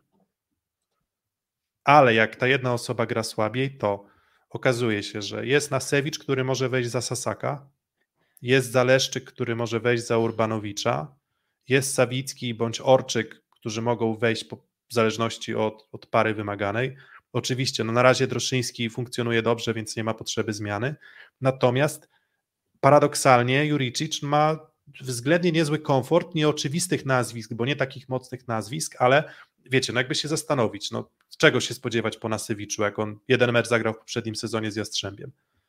A tu się okazuje, że gość jest wystarczająco dobry, żeby z Czarnymi Radą być być może najlepszy na boisku. Zaleszczyk, gdy wszedł, też zagrał bardzo dobry mecz za Urbanowicza, więc ta szerokość składu gdzieś tam wychowanków, młodych zawodników Treflu Gdańsk jest imponująca po prostu i, i, i, i na razie to wystarcza na to, żeby ogrywać tych, te, te drużyny z dołu bardzo komfortowo i po prostu ja w zeszłym sezonie lubiłem oglądać Trefl Gdańsk, bo był świetnie zorganizowany i ta organizacja dalej, e, dalej mi imponuje, a potem, pewnie przyjdzie, e, nie wiem, Rysowia, czy, czy, czy, czy Jastrzębie, czy Zaksa i może ich złamią zagrywką, czy blokiem, O to chodzi. ale, ale, ale, ale na razie jest, jest, jest to bardzo, bardzo przyzwoita siatkówka. Ostatnie Też zdanie może o moje, jeżeli chodzi o Gdańsk Filip, to po prostu są też wchodzą ci młodzi do zorganizowanej drużyny. To co zawsze mówimy, wchodzą, jest porządek i wchodzą na jedną pozycję, jest poukładane i to też pomaga w wejściu. Będzie problem, jak ktoś zacznie łamać zagrywką, tak? Bo na razie jest bardzo dobre przyjęcie i przyjdzie, nie wiem, Zaksa i tą zagrywką swoją zróżnicowaną może zrobić krzywdę. I jestem bardzo ciekawy Gdańska, czy gdzieś będzie punkt zawieszenia, zaczepienia z drużynami stop 5. Mm. Czy też dużą siłą Gdańska, zaraz Piotrek, y, tylko jedno zdanie, było to, że świetnie grał w zeszłym sezonie Pery, przy którym mógł funkcjonować Sawicki, ale teraz wygląda na to po tych początkowych meczach, że Kojka będzie w stanie sensownie Luka Perego zastąpić i to funkcjonowanie z Sawickim, co było dużą siłą, będzie nadal miało szansę powodzenia. No i mówiliśmy o ciałach obcych w niektórych drużynach. W Gdańsku nieważne kto gra, nie widać, że ktoś, któryś z tych graczy jest w tym zespole ciałem obcym, więc tu też plus dla Juricicia, który szybko poskładał ten zespół. Mm, więc jak na razie Tref Gdańsk po prostu na miarę swoich możliwości wykorzystuje ten potencjał mm, bardzo dobrze. Barką Karzany Lwów ograny w ostatniej kolejce, więc to będzie kolejna drużyna, o której porozmawiamy. Już tutaj na czacie mm, komentarze dotyczące hali w Wieluniu. Ukraińcy grają na sali gimnastycznej, to nie jest hala gimnastyczna, chłopie. Um, byłem w Wieluniu, e, gdy, gdy, gdy Wieluń grał jeszcze w, w jako, jako Wieluń, Wieluń tam grała, nie, a nie Barką Karzany Lwów w tej hali. Byłem tam lat temu 10. Mm, no jednak jest to sala taka z gatunku no, niewielkich jednak. No jakbyśmy nie próbowali tego pudrować, to w obrazku telewizyjnym wyglądało to mi to trochę przypominało, wiecie, jak widziałem ten, te urywki meczu z Gdańska, z, z Gdańskiem, przypominało mi to um, Rimini, Czyli taki w zasadzie taki trochę hangaro, trochę pusto, trochę podkolorowane, gdzieś tam oprawą taką dookoła hali. Natomiast... Nie mówimy o Lidze Narodów w tak, dokładnie. W okresie covidowej.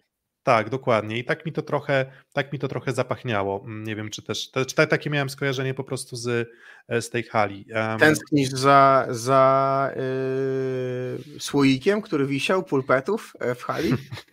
Wiesz co, no, czy, czy tęsknię, no może, nie wiem, no to znaczy miało do to swój, wiesz co, swój Do mnie rezonowało urok, bardzo no. to. Do ciebie też pewnie to rezonowało, no bo byliśmy wtedy na studiach, jak oni grali w Plus, chyba zaczynaliśmy studia i wtedy takie dania firmy Pamapol myślę, że stanowiły część naszej diety. I no ja no, ale... po, po, po, tym, że to była ta firma, to jednak ją wybierałem w sklepie ponad inne. No ja, no ja, ja z kolei, wiesz, ja z kolei... Wirtu? Bo mi się z kolei z tym słoikiem kojarzy pieróg chodzący po hali w zawierciu, jeszcze gdy a to nie, a to właśnie była sponsorem tytularnym zawiercia. Nie, to jak Aluron CMC wszedł do, do, do, do ligi, e, że nie, znaczy wtedy Aluron Virtu warta Aluron zawiercie. Virtu. Tak. E, to, to, to ja, już, e, ja już mogłem pójść do restauracji na pierogi, jak miałem ochotę. Same here. Ale same raz, here, na, raz, na, raz na jakiś czas oczywiście, ale no już, już można było do baru mlecznego pójść, może tak, a nie trzeba było robić tego na, na, na, na, na pierogach mm, sklepowych do końca. E, no wiecie, tam pamiętam jeszcze takie wątki z tej hali Wieluniu, że tam na przykład nie było toalety w środku, więc jak chciałeś zrobić siku, jak byłeś kibicem przyjezdnych, to musiałeś iść do to i toja na zewnątrz. Wiecie, no takie w sensie, ja, znaczy to było 10 lat temu, czy, czy, czy, czy 12, więc jakby nie, nie, nie ma porównania, to się mogło, mogło się tam wszystko, wszystko zmienić. Natomiast o samej drużynie Lwowa, mm, no to szacunek za, właśnie przeskoczymy może do, do tych wyników y, Barkomu, Karzany, Lwów. KGKM Kuprum Lubin złamał ich w pierwszym secie takim długim setem, a potem już było dość łatwo, więc szacunek mam na pewno do Lwowa na początku sezonu za, um, za ten wygrany tiebreak z Lukiem Lublin, natomiast ty Filip chyba jesteś takim orędownikiem tezy, że jest tupci, jest impreza, a nie ma tupcia, no to jest padaka. No i właśnie ja spodziewałem się, bo nie mogłem na żywo obejrzeć tego spotkania, tego tiebreaka właśnie meczu w Lublinie, oglądałem do stanu 2 do 2 i pomyślałem, że no raczej tu Lublin powinien ograć, zwłaszcza, że to był kolejny słaby mecz Palońskiego. Po meczu otwarcia dru druga kolejka też nie należała do Argentyńczyka i zastąpił go Olek Szewczenko. Ja spodziewałem się, że Lublin to skrzętnie wykorzysta i to spotkanie przyciągnie na swoją korzyść, a tam w tiebreaku 6 piłek na 9 skończył Szewczenko, no i mimo tego, że Tupci skończył na zerowej efektywności ataku, piątą partię, no to właśnie na Szewczence e, zespół z Lwowa po prostu dojechał do pierwszego zwycięstwa w tym sezonie, więc trochę nietypowe to dla mnie było, natomiast też biorąc pod uwagę siłę jakby Luku Lublin, Bogdańki Luk Lublin, mm, to tam też jest dużo mankamentów, więc to, że Lwów to był w stanie wykorzystać, to jakby też nie należało to do zadań może najtrudniejszych, aczkolwiek ten występ Szewczenki trochę zadziwiający, bo już w kolejnym spotkaniu się e, nie pojawił. E, ale tak, generalnie to bez formy nadal wydaje się być właśnie Wasyl Tupci.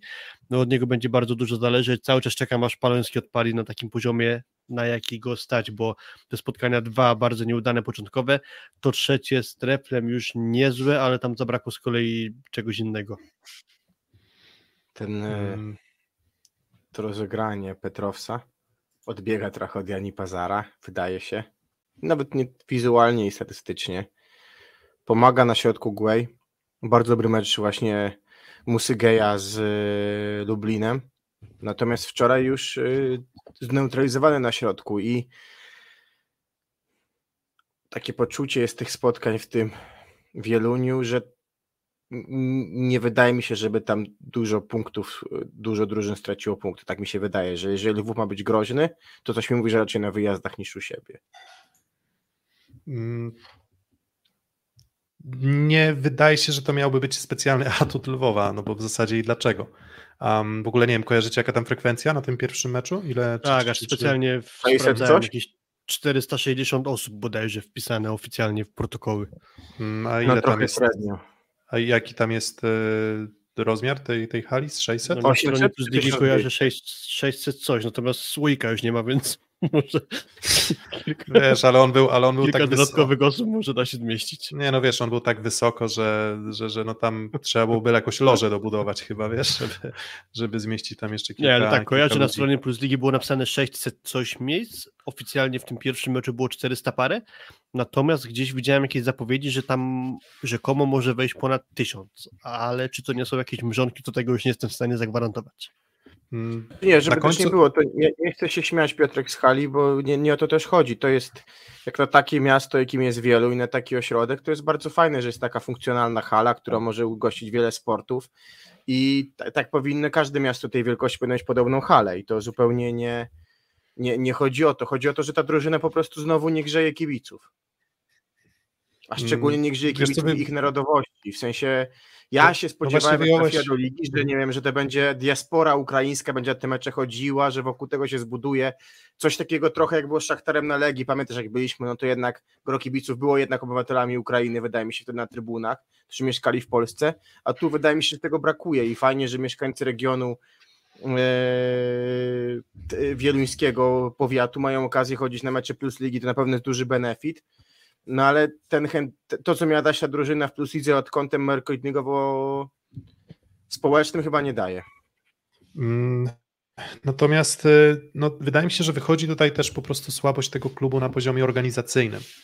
Mm, bo, bo, bo nie słyszałem ani nie przebiły się do, do moich, nie wiem, Mm, na, moje, to moją tablicę, oczy, a przecież śledzimy siatkówkę bardzo mocno, jakiekolwiek akcje takie profrekwencyjne, które może by działałyby mocniej e, w kierunku właśnie przyciągnięcia tej mniejszości mm, ukraińskiej. Wydaje mi się, że po prostu to też leży. Ja nie wiem, czy w ogóle Ukraińcy sobie zdają sprawę z istnienia takiej drużyny. I, i, I to jest dla mnie tak naprawdę, tak jak mówisz, Kuba, większy problem, mm, bo na ten moment wkładu tej drużyny do naszej ligi to za dużo po prostu nie ma. W sensie ja szanuję to, że oni się utrzymali w lidze, mm, natomiast wydaje mi się, że i szanuję to, że utrzymali się w lidze i również szanuję i akceptuję to, że każda nowa drużyna musi, potrzebuje trochę czasu na to, żeby inwestować, ale jeżeli nie przychodzi ci nawet, nie wiem, te 600 osób, pełna hala w Wieluniu, no to w jaki sposób miałbyś zdobyć sponsorów, w jaki sposób ty miałbyś budować z tego biznes. To się na razie opiera trochę na jakimś tam, nie wiem, pewnie widzi mi się właściciela e, głównego sponsora. Mm, ale lubię kluby, które dają mi potencjał na to, że może będzie tam coś lepiej. A w przypadku Lwowa na razie nie mam takiego poczucia i to, co powiesz... zobaczyłem na boisku na razie, to, to też mi tego nie daje. Piotrek, sposób sponsorowania klubów ze wschodu wiadomo jaki jest. To raczej mamy w imię oligarsze, bogatym, który się często dorabiał na jakichś yy, biznesach metalurgicznych czy przemysł ciężki i po prostu w ten sposób inwestuje i, i to chyba też jest problem, czy tu jest w ogóle chęć mniejszych sponsorów, tak, dodatkowych, ale to myśmy mogliśmy zrobić kiedyś szósty set ekonomiczny, doprosić jeszcze parę osób z tego grona szeroko pojętego sponsorskiego i tym porozmawiać.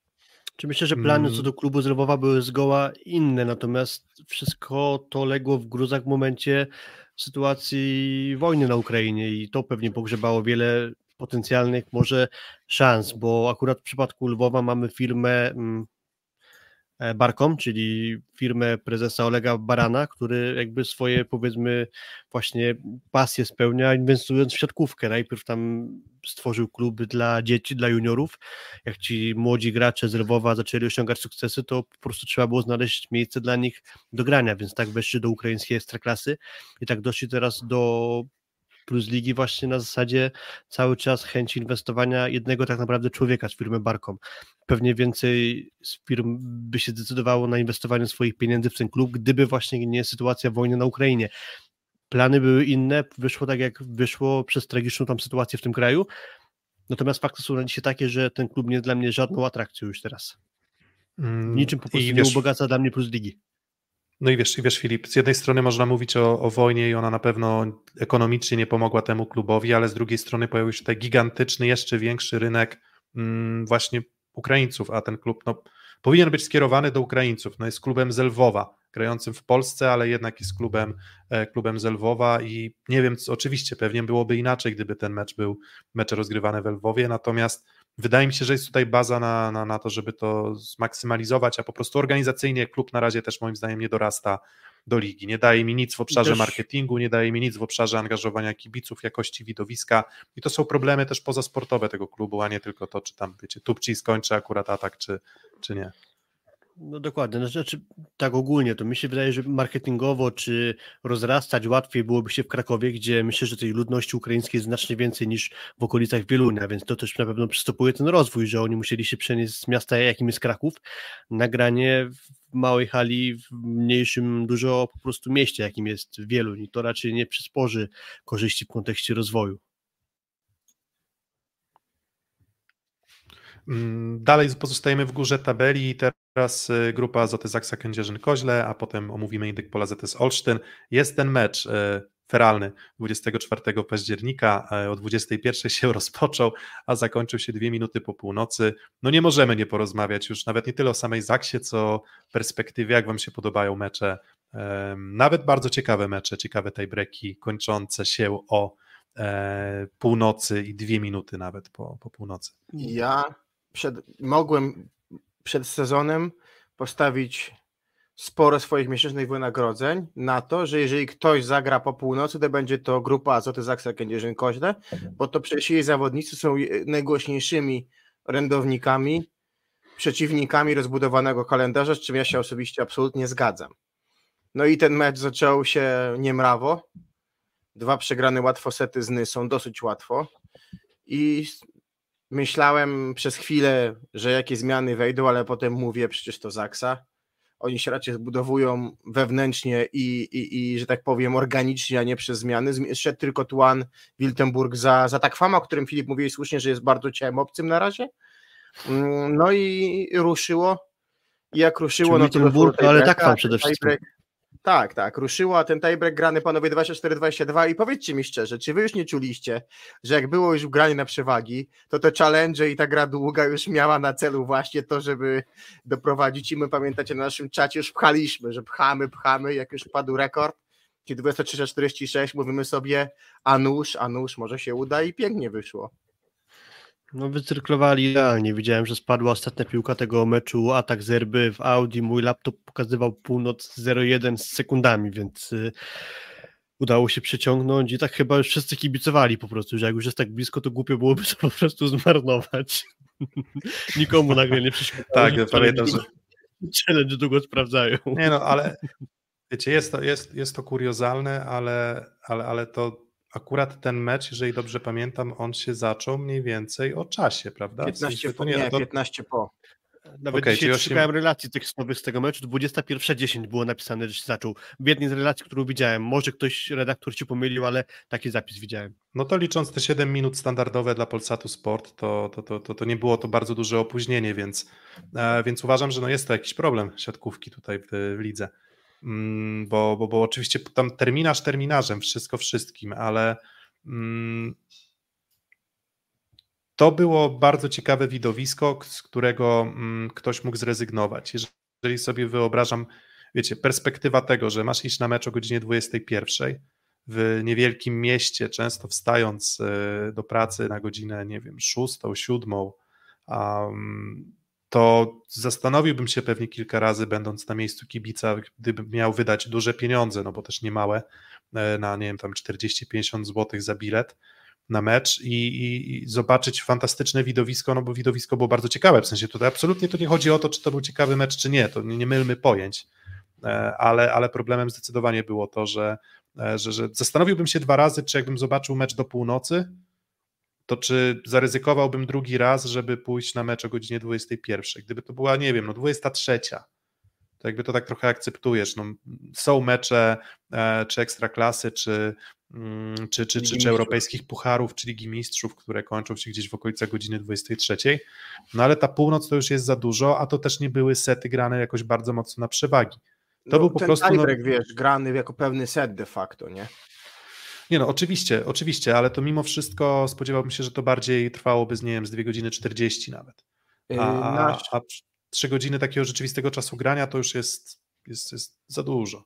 Myślę, że się nie obrazi nasz widz Artur Stec napisał chyba w komentarzu właśnie, że był na meczu do końca, dojechał do domu chyba około w pół do pierwszej, czyli dość szybko jak na aglomerację kędzierzyńską, a musiał chyba o 5.30 wstawać do pracy, więc no potężny wysiłek e, i poświęcenie dla, dla spotkania. Mm, I no tak, tak, to na pewno jest rzecz, która, która jest materiałem do dyskusji. Ja będę dawał przykład i też dawałem na swoim Twitterze meczu trzecie miejsce finału VNL, tak, czy finału VNL w Gdańsku. E, Japonia-Włochy, e, zaczęty mecz o 18, ja wtedy pamiętam, tam ledwo zdążyłem, bo jechałem zawieźć część rzeczy rodzicom, sprzętu naszego i tak dalej i dojechałem bardzo późno, już praktycznie na kończący się mecz, a przyjechałem godzinę 20 po rozpoczęciu meczu, tak? Także mecz wtedy trwał niecałe dwie godziny, godzinę 59, trwał pięciosetowy mecz. Tutaj ten mecz, czy chociażby mecz y, z Kry Nysą, też trwał prawie, dwie godziny, prawie 3 godziny, 2,40 chyba 6, tak? To jest ta kwestia, która, która jest problematyczna, bo przedłużanie spotkań, tego nieefektywnego czasu gry jest dużym wyzwaniem siatkówki. A sportowo? 103% rywala, Zaksy, znowu. I Piotrek chyba najbardziej to 103% było widać na, na innych polu AZS-ie, tak? Że było równe granie, po czym był odjazd, money time, jak mówi kapitan e, Aleksander Śliwka i, i wio. Mm, to znaczy, to nie wiem, no, mecz ze Skrą wydaje mi się, że właśnie nie był taką typową zakcją 103% czy tam 101% e, rywala, bo, bo wydaje mi się, że tam te, te dwa sety wygrane dość komfortowo akurat ze Skrą. są bardziej, za ZS-em oczywiście tak jak, e, tak jak mówisz. No już zaczyna się jakiś tam problem zdrowotny, Marcin Janusz Mm, coś tam zazgrzytało, on w meczu przeciwko Indykpolowi AZS-owi Olsztyn nie wystąpił, więc e, to może troszeczkę zaburzać ocenę ten ostatni mecz naszej Zaksy, no bo jednak Przemysław Wstępie nie jest zawodnikiem tej klasy, co, co Marcin Janusz, chociaż poradził sobie, myślę, myślę bardzo, bardzo dobrze. No, Zaksa po prostu kontynuuje mniej więcej podobną charakterystykę, jaką miała w poprzednim sezonie. I, I tyle. I w sensie ja tutaj nawet nie chciałbym się za bardzo nad sport, sportowo nad Zaksą rozwodzić, bo po prostu są wystarczająco, e, wystarczająco zbudowani, wystarczająco stabilni względem poprzedniego sezonu, że nie ma co się doszukiwać na siłę troszeczkę innej charakterystyki bo ta charakterystyka moim zdaniem tej drużyny jest na razie bardzo podobna. Natomiast usłyszeliśmy dzisiaj, że Wojtek Żaliński mm, będzie przychodził operację kolana, chyba więzadła, więc tutaj prawdopodobieństwo, że on wróci do gry na jakimś tam w miarę przyzwoitym poziomie w tym sezonie jest niewielkie, więc też pytanie, jak sobie Zaksa poradzi z problemem tego, że w tym momencie tylko Daniel Chitikoj na boisku, tyle, że jak wejdzie Daniel Chitigoj na boisko, no to pytanie, kto będzie grał, bo w zasadzie pewnie Banach, tak? Musi grać wtedy, chociaż nie, to też nie rozwiązuje. Nie, nie, nie. mamy nie, nie. zero i środkowych zagranicznych, więc tylko i bez limitu obcokrajowców A, okay, jeszcze okay. może funkcjonować. Natomiast jeśli by ewentualnie jeszcze jeden zagraniczny zawodnik się pojawił na przyjęciu, to on już w parze z Rumunem nie wystąpi. I tutaj właśnie jest temat tego, że A, tak, pojawia tak, się jasne, na czacie tak, tak, pytanie, panowie kogo Zaksa ściągnie na, za Żalińskiego? Jest chociażby Piotrek Łukasik bez klubu może jego, Zna. może jakiś transfer, tak, bywał już, znaczy bywał, był po prostu zawodnikiem Zaksy e, przez jakiś czas, więc e, może to jest właśnie celny trop. Mm. Rosawia ma pięciu przyjmujących, może któryś z graczy prędzej czy później zostanie e, zwolniony z kontraktu i trafi właśnie do Kędzierzyna. Jonas Chwalen chociażby. Pewnie Zaksa wiele by dała za powrót e, Adriana Staszewskiego, ale obstawiam, że akurat jego Rosowia łatwo albo w ogóle nie wypuści i, i na to bym nie liczył. Mm, może to być też właśnie obcokrajowiec, bo tak jak mówię, no, Śliwka z Bednoszem są zdolni do grania jeden lub drugi, więc nie musi to być koniecznie para stworzona z rumuńskim przyjmującym, więc myślę, że będzie opcja ściągnięcia kogoś, a kto to będzie, nie wiemy na razie. Może to być Hmm. na przykład Piotrek Łukasik, bo nie ma klubu po prostu. Tak, Kuba Bielanin, szkoda, że Buchowski do Arabii poszedł, Magdalena Karimow, Norwid nie ma pięciu przyjmujących, no ma, ale, Norwid Ale- ma chyba ale- nawet sześciu. Ale, ale oni na ten moment, licząc. ale oni, oni na ten moment to jeszcze nie wiedzą, kogo chcieliby wypuścić, więc na tym etapie pewnie jeszcze nie. No i pięciu, Zaksa przyjmujących, poczeka, nie każdy zagra po parę meczów w Norwidzie, sobie wybierze. no i pięciu przyjmujących ma indyk pola ZS Olsztyn, ale, ale to też jest chyba Ale takie nie ma atakującego jednego. Kogo Ale byś ma- oddał? Kogo bym oddał? A, no w sensie... Szerszenia. Nie no, Niko, Niko to się modlimy się za zdrowie. Niko, Nikolasa Nie, nie, trzeba, A, trzeba trzymać. nie, nie, nie, myślę sobie- wrócić do zdrowia szybko. Nie no, myślę, że, że albo na ten moment Armoe, albo Janikowskiego. Tak myślę. W sensie Janikowskiego chyba najbardziej, tak mi się wydaje, że, że, że, że najłatwiej byłoby mi go odpuścić, Skra też ma no, pięciu przyjmujących, też słuszna uwaga. faktycznie, Bo jeszcze Deru, Deru i Lon trafił jako awaryjnie, powiedzmy, z kontra za Mikę. Tak, de, de, de, Rui- de Ruillon. Um, więc o Zaksie w sumie sportowo tyle, sami nie wiemy do końca, co się wydarzy, ale no na ten moment y, W piątek super że tak wam... Polak, widzimy Polaka, Mhm. Dokończ proszę. Nie, mówię, że widzimy, widzimy, że to raczej powinien być Polak, żeby nie było problemu z limitami, jakby coś, ale, ale, ale tych, też ilu tych Polaków tak naprawdę Zaksa ma, może ktoś z pierwszej ligi, wiecie, bo tam też było kilka takich transferów po, w ostatnich latach e, takich kryzysowych, E, mm, gdzie, gdzie, gdzie przychodzili na przykład Jóźwik chyba do, do Lublina.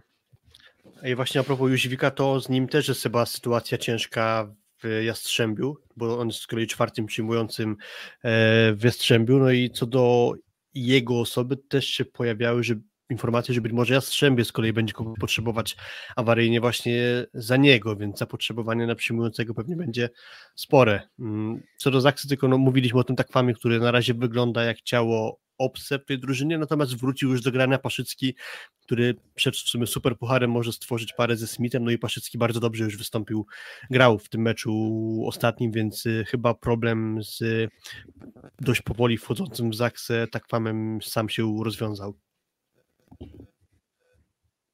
No a co do Indyk Pola ZS Wolsztyn, to, to, to ja mogę rozpocząć też tę dyskusję, analizę.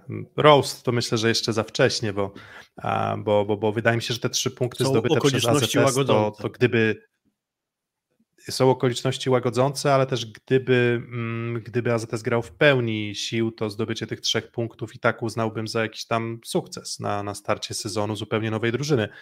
Przy czym, no jednak, jednak trzeba nazwać chyba sprawę po imieniu, że na ten moment ta drużyna to jest Alan, trochę środka i dużo, dużo, dużo, daleko, długo i nikt. I dopiero potem e, pozostali zawodnicy z pewnymi przebłyskami, może jeszcze Hawryluka gdzieś tam wcześniej. Właśnie o Hawryluku chciałem wspomnieć, że może jeszcze jego warto wymienić. Dokładnie, ale jeżeli chodzi o jakość w tym momencie lewego skrzydła, no to, no to, to ja się pokusiłem o tweeta, więc, więc go zacytuję, żeby, żeby wszyscy wiedzieli. E, Z przyjmujących jak do tej pory tych, którzy po ostatnim meczu z Zaksą mieli zdrowie, żeby grać, bo szerszy nie miał. Karlicek 19 na 58 to jest 33% skuteczności, 16 efektywności. Szymendera 7 na 24 to jest 29 skuteczności i 12 efektywności. Armoa 7 na 24, 29 efektywności, ale jednak jest gorszy od Szymendery, bo ma ujemną efektywność minus 4 punkty, minus 4%. No i Janikowski 6 na 12, ale, ale z tego 50% skuteczności, ale 17 efektywności, bo tam sporo błędów i zablokowanych ataków, więc mm, no to jest gigantyczny poziom AZS-u i tak przed sezonem mówiliśmy, że wiecie, Karlicek, siła na wysokiej piłce, takie eksplozywne skrzydła, a, a na, razie, na razie jeżeli chodzi o przyjęcie, to, to pod nieobecność szerszenia to lewe skrzydło wygląda po prostu źle. Rozumiem, że skakał Kaczmarek, rozumiem jakość na bloku Jastrzębia, ale na przykład e, Nysa pokazała przeciwko Zaksie, że e, potrafią tam, potrafili tam przyjmujący zaprezentować się z dużo, dużo lepszej strony na tle Zaksy, więc no, nawet Damian Kogut wyglądał dużo lepiej na tle Jastrzębskiego Węgla od tej całej plejady przeciętnie albo bardzo słabo grających jak na razie e, zawodników. Więc to jest dla mnie jak na razie problem AZS-u i, i chyba numer jeden tak naprawdę. I, I, pytanie, czy tym problemem nie jest też Tuaniga, idąc tym tropem, bo poza grą środkiem. Którą i, gra kapitalnie. Którą gra kapitalnie i za to szacunek i Jakubiszak i Sapiński, jeżeli mają jakiekolwiek problemy, powiedzmy sportowe swoje własne w ataku, to Tuaniga je umiejętnie kryje. Mm, trochę podwieszonych piłek, ale powiedzmy nie, w niezłym tempie i Alan radzi sobie z tych piłek nieźle, ale to na lewe skrzydło na razie kaszanka.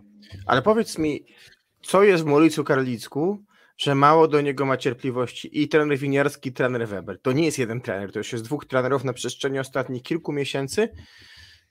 Nie ma to do znaczy, niego cierpliwości. On ma, on ma taką charakterystykę swoją personalną, że jest takim turbo introwertykiem trochę zagubionym w swoich myślach, trochę robiącym wrażenie takiego rozkojarzonego, ciężko wchodzącego czasem w mecze, falującego trochę swoją, e, swoją, swoją grą. I, I wydaje mi się, że to nie jest charakterystyka, którą trener kocha, dowolny. Na zasadzie woli mieć skupionego gościa, któremu nie wyjdzie, ale widzi, że tam jest pełne skupienie, niż takiego mm, no, trochę mruka, trochę takiego reagującego też mowa ciała, nijaka w zasadzie, żadna, ani, ani tutaj smutku, ani wkurzenia, ani nic. Wydaje mi się, że to może być jakiś tam element, element problematyczny, natomiast wiecie, no gdyby grał na 55% skuteczności, 40% efektywności, no to jego mowa ciała by Weberowi nie przeszkadzała. Problem jest po prostu w tym, że on na ten moment drużynie daje bardzo niedużo.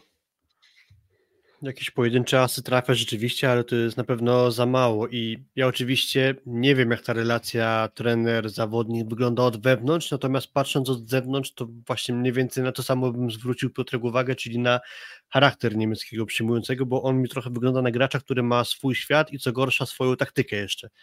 Czyli, że być może nie do końca trzyma się tego, co zostało nakreślone jako zespół i po prostu rozwalać i system gry, nie do końca będąc konsekwentnym w tym, co należałoby zagrać, więc może właśnie jego jakieś pojedyncze zachowania, w których powinien się zachować inaczej, bo tak było ustalone, robi po swojemu i to momentalnie wywraca grę całego zespołu i szybko starają się właśnie trenerzy reagować na tę swego rodzaju niesubordynację. Ale wiesz, Piotr, przy tym dramacie, o którym mówisz niejako, trzy punkty to jest niezły wynik, bo chyba ciężko było też się spodziewać dużo więcej na tych rywalach. Więc to jest taki pewien paradoks, mam wrażenie.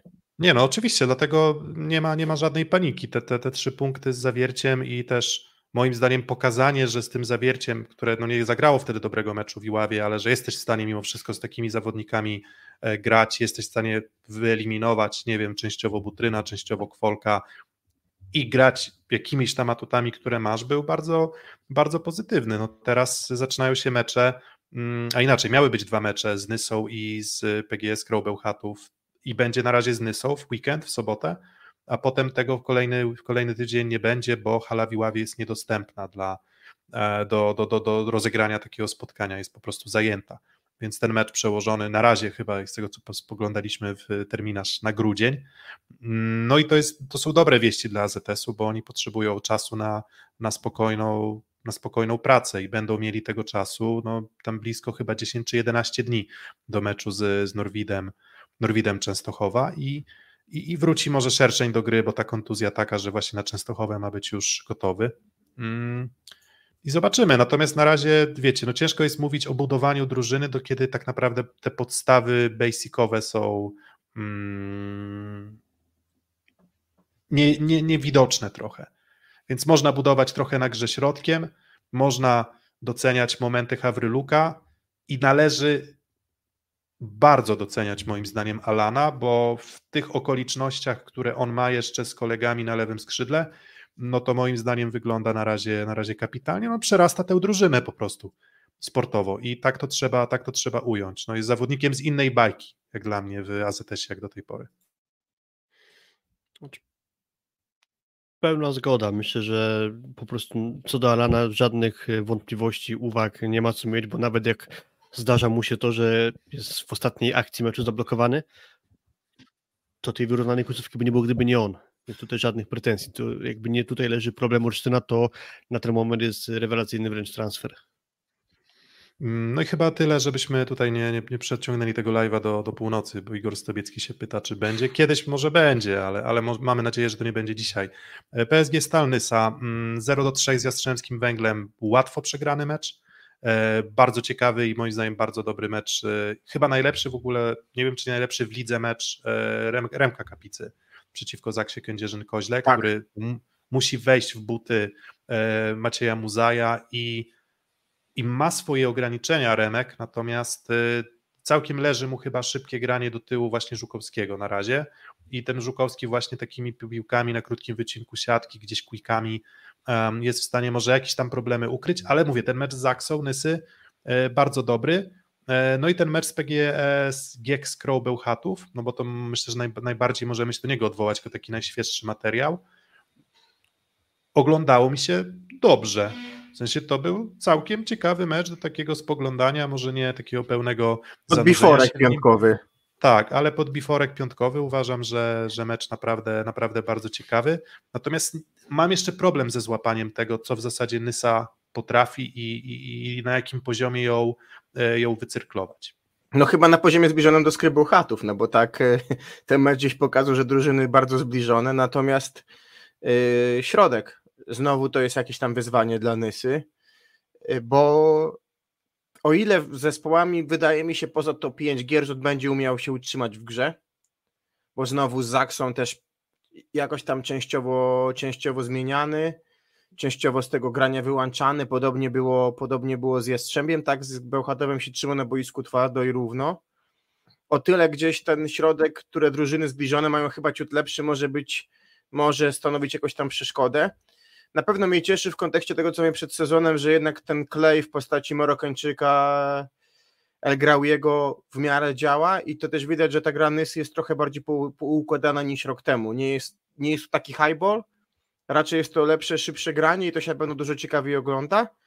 E, no i obrona, którą wzmocnił Szymura, też na pewno jest, jest y, chyba wizualnie i nie tylko lepsza niż rok temu, więc wydaje mi się, że Nysa ma pełne perspektywy po tych trzech spotkaniach w których zdobyła na ten moment dwa punkty, mimo trzech porażek, dwa punkty, dać im jakoś nadzieję na to, że co najmniej ósme miejsce mogą z ubiegłego roku w fazie zasadniczej wyrównać, tak powiem. Tak, jeszcze na początku sezonu miałem trochę wątpliwości, czy El Graoui to był ten zawodnik, na którego należałoby postawić w wyjściowej szóstce, ale wychodzi na to, że jednak tak, że z czasem to jest bardzo dobry klej tego zespołu i uzupełnia pewne braki, które wychodzą przy graniu tak ofensywnym zawodnikiem, jakim jest Gierżot. E, dwie sprawy. Bardzo dobra zagrywka Kapicy, robił tutaj dużą robotę, no ale w ataku już taki pewny nie jest. Powiedziałeś Piotrek, że mu chyba leży to granie z Żukowskim, ja co do tego do końca jeszcze przekonany nie jestem, bo tam jest dużo takiego grania na szybkości i pod tym względem jakieś odejście do Muzaja by się przydało. A druga rzecz jeszcze to padło na czacie, Igor Stobiecki napisał, że Nysie trochę farta zabrakło, ale dalej fajnie się prezentuje. Super grał Kamil Szymura, ale pamiętacie dwie ostatnie akcje tiebreaka ze Scroll, zagrywki Lemańskiego? Mhm. Nie wiem, co tam się mhm. wydarzyło, ale moim zdaniem to były zagrywki, które generalnie na, na 100, 99 pewnie Przymura przyjąłby dobrze. A tu zdarzyły się takie dwa asy Lemańskiego, które wydawały mi się niezbyt wymagające, te serwisy, które on posłał. A mimo tego to zakończyło spotkanie właśnie, które było, nie było wcześniej, były bardzo dobre. Mm, to jest progres na pewno względem Dębca. Cała formacja przyjęcia właśnie Dębiec zamieniony na Szymurę, El Graui, który może grać regularnie, jest defensywnie wystarczający. I Gierżot, po którym już na, tych, na przebiegu tych kilku kolejek już wydaje mi się, że mogę powiedzieć, że poprawił przyjęcie. Już nie jest tak elektryczny, jak to bywało w tamtym sezonie, a to, że on teraz został zmieniony, to Daniel Pliński wyjaśnił w prawdzie siatki, że pojawiły się u niego jakieś lekkie problemy z mięśniami brzucha, dlatego trochę profilaktycznie został zmieniony, żeby nie zdarzyło się, że wypadnie z gry na dłużej. No i chyba wyszło to na dobre, bo z Bełchatowym już Michał Gierżut mógł zagrać na pełnym dystansie, więc to kwestia profilaktyki. Natomiast co do przyjęcia, on się dużo lepiej broni niż to było w zeszłym sezonie i tu widać postęp.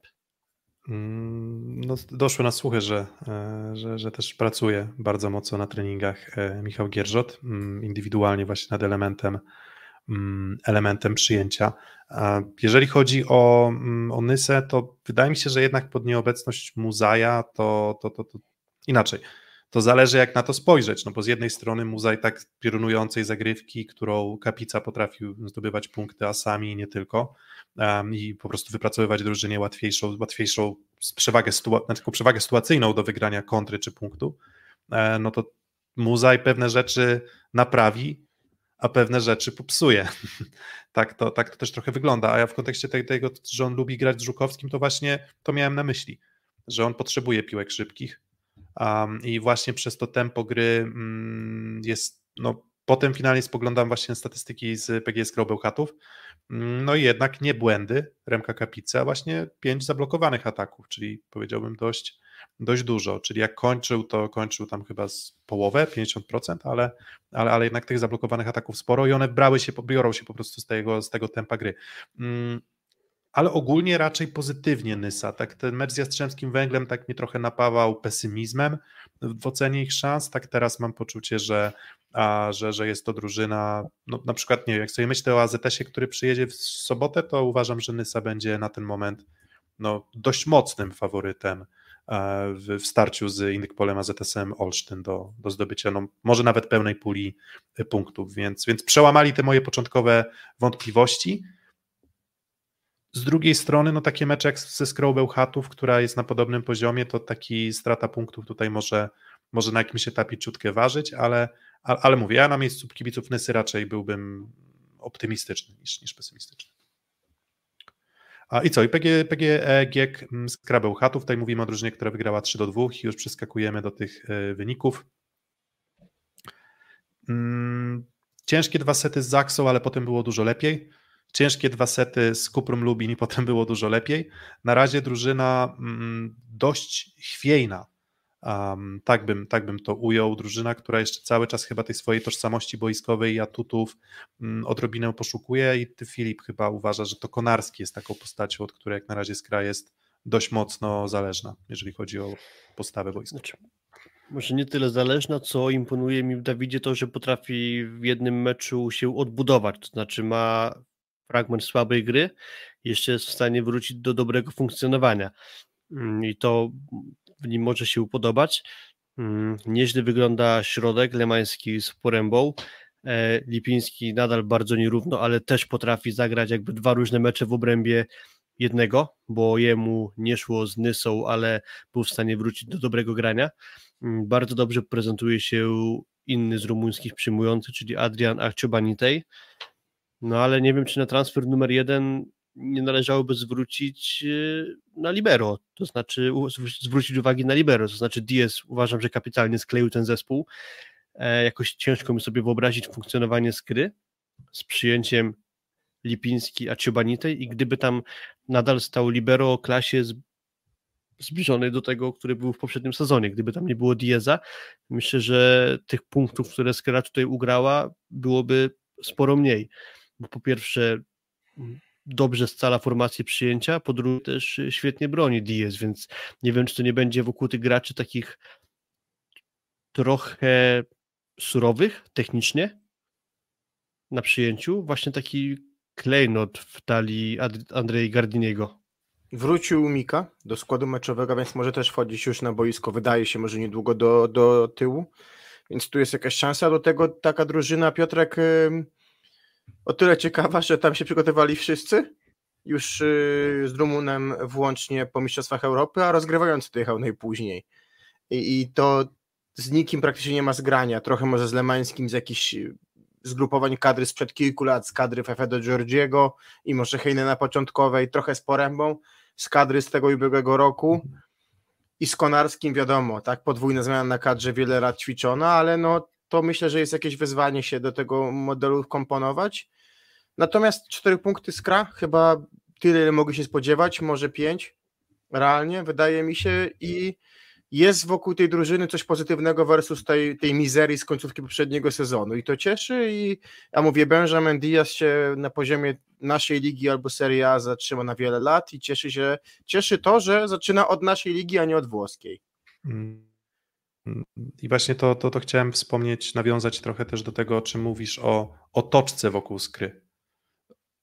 Może boiskowo nie zawsze wszystko wychodzi, może to nie jest drużyna kompletna, może to nie jest drużyna fantastyczna, ale bardzo podoba mi się mentalność tej drużyny. Serio. W sensie umiejętność podnoszenia się to nie tylko sportowo, ale też tak, też tak mentalnie, takiej mm, radości, powiedziałbym nawet agresywnej.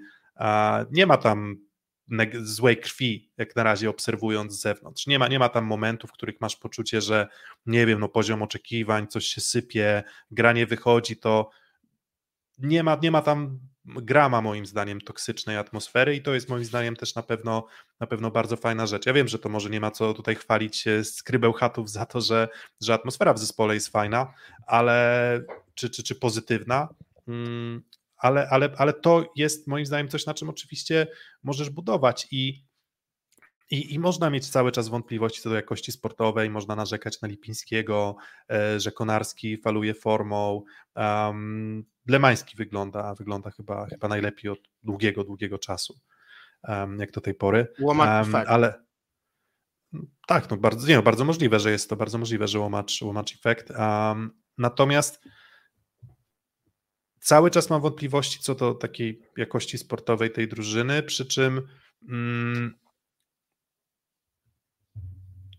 jeżeli miałbym znowu szukać pozytywnie, negatywnie, to, to po tym, jak te mecze wyglądały, jakie oglądaliśmy, w jakim, w jakich momentach trudnych była skra, to, to, to te cztery punkty to jest moim zdaniem wynik bardzo dobry e, dla, dla, dla. To nie będzie drużyna, która moim zdaniem będzie wygrywać w tym sezonie mecze łatwo, raczej. Z żadnym, z żadnym praktycznie rywalem, bo, bo, bo praktycznie w każdym aspekcie gry ma swoje problemy i swoje dziury. To przyjęcie nie, nie takie najlepsze, siła Konarskiego, jak się okazuje, różna w trakcie spotkań. Mm, ewidentnie odstaje, odstaje Lipiński. Poprzez cierpienie do sukcesu. Myślę, że tak, więc dla mnie na plus, po prostu. Dla mnie, mm, dla mnie na, na, na, na plus jak na razie PGS Krabełchatów. Mm, nawet jeżeli w ich trochę nie wierzę w to, że oni będą w stanie w tej lidze działać cokolwiek więcej, ale mają też ten atut szerokiego składu, jak sobie myślę o Indykpolu AZS-ie Olsztyn na przykład, który wypada ci szersze, nie okazuje się, że nie masz nikogo, tak tutaj wygląda na to, że, że, że, że, że jakieś tam alternatywy na pewno będzie miał mm, Andrea Gardini i no, ale nie ten już, Francuz. No ale tak, raczej, raczej nie, nie, nie, nie derują. Mm, póki co skra wygląda moim zdaniem dobrze. Co nie znaczy, że, że, to zmienia moją, że to zmienia moją ocenę, że to jest nie wiem, hegemon e, tej, tego sezonu, bo raczej tak nie będzie. E, tak, Lubin, e, Lubin kontra Lublin, KGHM Kuprum Lubin, 2 do 3 versus Bogdanka Luk Lublin. Mm, no i tutaj Świetny znowu no, tak, tak słyszałem, akurat nie miałem okazji oglądać, więc tylko mogę oceniać po statystyce, ale takie oceny faktycznie do mnie dotarły. Mm, Filip, oglądaliśmy ten mecz razem. Znaczy razem, ty i ja chyba, wydaje mi się, bo korespondencyjnie korespondowaliśmy. Tak jest, no była konsultacja. Mecz, który chce się oglądać, bo było w nim wszystko. I też się znowu skończył późno, tak? Znowu się skończył prawie 11.30. Bardzo podoba się Graniczny, dostaje szansę. O Heinsie, Kwasowskim wydaje mi się, że nie ma co nie ma co za dużo mówić, no bo to jest to, co oni mieli grać. Widać, że Seweryn Lipiński dopiero tej ligi się uczy, ale tak, yy, Geliński cały czas z niego wierzy trener Rusek i po wynikach to się raczej sprawdza, no bo wy sami nominowaliście Lublin, e, Lubin do pozytywnej rewelacji sezonu i pięć punktów w tych kolejkach z rywalami Pirates na swoim poziomie to jest wynik dobry. Natomiast wczoraj to zwycięstwo z rąk wypuścili. No bo tak, schodzi Krysiak z kontuzją, wchodzi Damian Schulz, którego ja pamiętam sprzed siedmiu lat na wspaniałym meczu we wspaniałej arenie Gdynia, e, gdzie zmienia, gdzie inaczej, gdzie nie ma Szwarca na przyjęciu i nie ma Miki i to właśnie Schulz gra na przyjęciu z Miłoszem Hebdą i ogrywają wielką wtedy Modenę, w składzie której byli chociażby Bruno z Lukasem czy Engapet. I ten Schulz y, chyba zanotowuje najlepszy występ od dawna w Plus Lidze bo i przyjmował, i zagrywał dobrze, i kończył z lewego skrzydła. Może to jest im jest stara się, tym może warto pójść strony przyjęcia. Więc z Damianem e, Schulzem to dokończ, proszę. Bardzo. Nie, A, nie, nie, okej. proszę bardzo. E, Myślałem, że już skończyłeś swoją część, nie chciałem cię wepchać w słowo. Natomiast co do Damiana Schulza, on generalnie potrafił napisać sporo ciekawych historii na różnych pozycjach, bo i w Rysowi bodajże w 2020 roku z konieczności zagrał trochę setów na środku i to wyglądało całkiem dobrze. No i właśnie ten mecz przeciwko Modenie w parze z Hebdą, tam jeszcze na libero był Piotrek Gacek, przyjechała Modena z formacją przyjęcia, tam był Petrić z Ngapetem i z Salvatore Rossinim na libero, no i ta formacja gdańska miała z 20% lepsze przyjęcie pozytywne niż Modena i Tref to wygrał 3 do 2, więc mecz na pewno warty wspomnienia, zresztą nawet e, komentujący to spotkanie Adrian Brzozowski do tego meczu nawiązywał. Ja właśnie bardzo dobrze pamiętam mocne ataki Szulca ze środka Waseko Rysowi. Wczorajsze to spotkanie na przyjęciu z konieczności, też dobre zawody w jego wykonaniu. Jakaś bomba Heinza bodajże z zagrywki przyjęta na palce.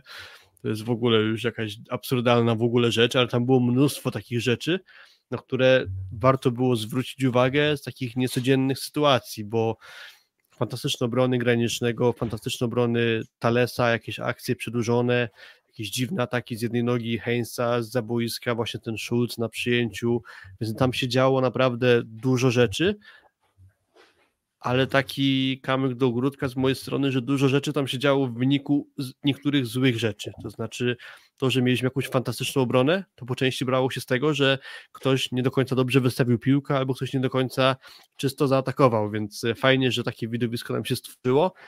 Ale czy to była taka siatkówka w najpiękniejszym wydaniu, czy taka podręcznikowa, to już bym nie powiedział, bo oglądało się to dobrze, no ale co do mangamentów siatkarskich, to pewnie sporo było by tam do znalezienia. Mm, Tak jak e, chyba w rozmowie z Oskarem Kaczmarczykiem rozmawialiśmy, że, że to nie chodzi o to, że to musi być najwyższy poziom, tylko o to, czy drużyny są zbliżone e, wobec siebie, jeżeli mówimy tutaj o tym aspekcie emocji e, dla kibiców, dla obserwatorów. Mm, Jeżeli chodzi o Kuprum, bo tak nie chciałem się też skupiać bardzo mocno tylko na tym meczu, mm, to drużyna, która już od kilku sezonów ma bardzo podobną charakterystykę, czyli zazwyczaj traci, krwawi punkty, punktami do ligowej tabeli w meczach z drużynami na mniej więcej swoim poziomie. I to jest zasadniczy problem e, Kuprum Lubin, bo widzimy tutaj 2 do 0 ze Skrą Bełchatów, przegrywają 2 do 3. Przyjeżdża Bogdanka lub Lublin o problemach zdrowotnych i w ogóle też o grze, zaraz Lublina opowiemy, tak jeszcze też pewnie szybko, Mm, ale, ale to też nie jest drużyna, która jest jakimś hegemonem i monolitem drużyna z dobrym brandem, może z, z dobrym Talesem, ale, ale z fatalnym Ferreirą, mm, z, z nie, nie, Malinowskim i pomimo tego Kuprum nie jest w stanie tego, tego wykorzystać. I to, co nie zmienia faktu, że te zdobyte 5 punktów na, na start sezonu jest ok, ale no, potem już nie będzie tylko łatwiej, a potem ten, ten harmonogram meczów Kuprum będzie wyglądał już będzie wyglądał już dużo trudniej. I to mnie, to mnie jakby odrobinkę rozczarowuje, przy czym no może to po prostu wynika z takiej, a nie innej klasy, klasy sportowej zawodników, którzy nie, nie są w stanie utrzymać em, takiego powtarzalnego mm, powtarzalnego poziomu na bardzo, długim, na bardzo długim poziomie przez wszystkie trzy sety na przykład, czy cztery, żeby zamknąć mecz za trzy punkty. To jest dla mnie drużyna o twarzy takich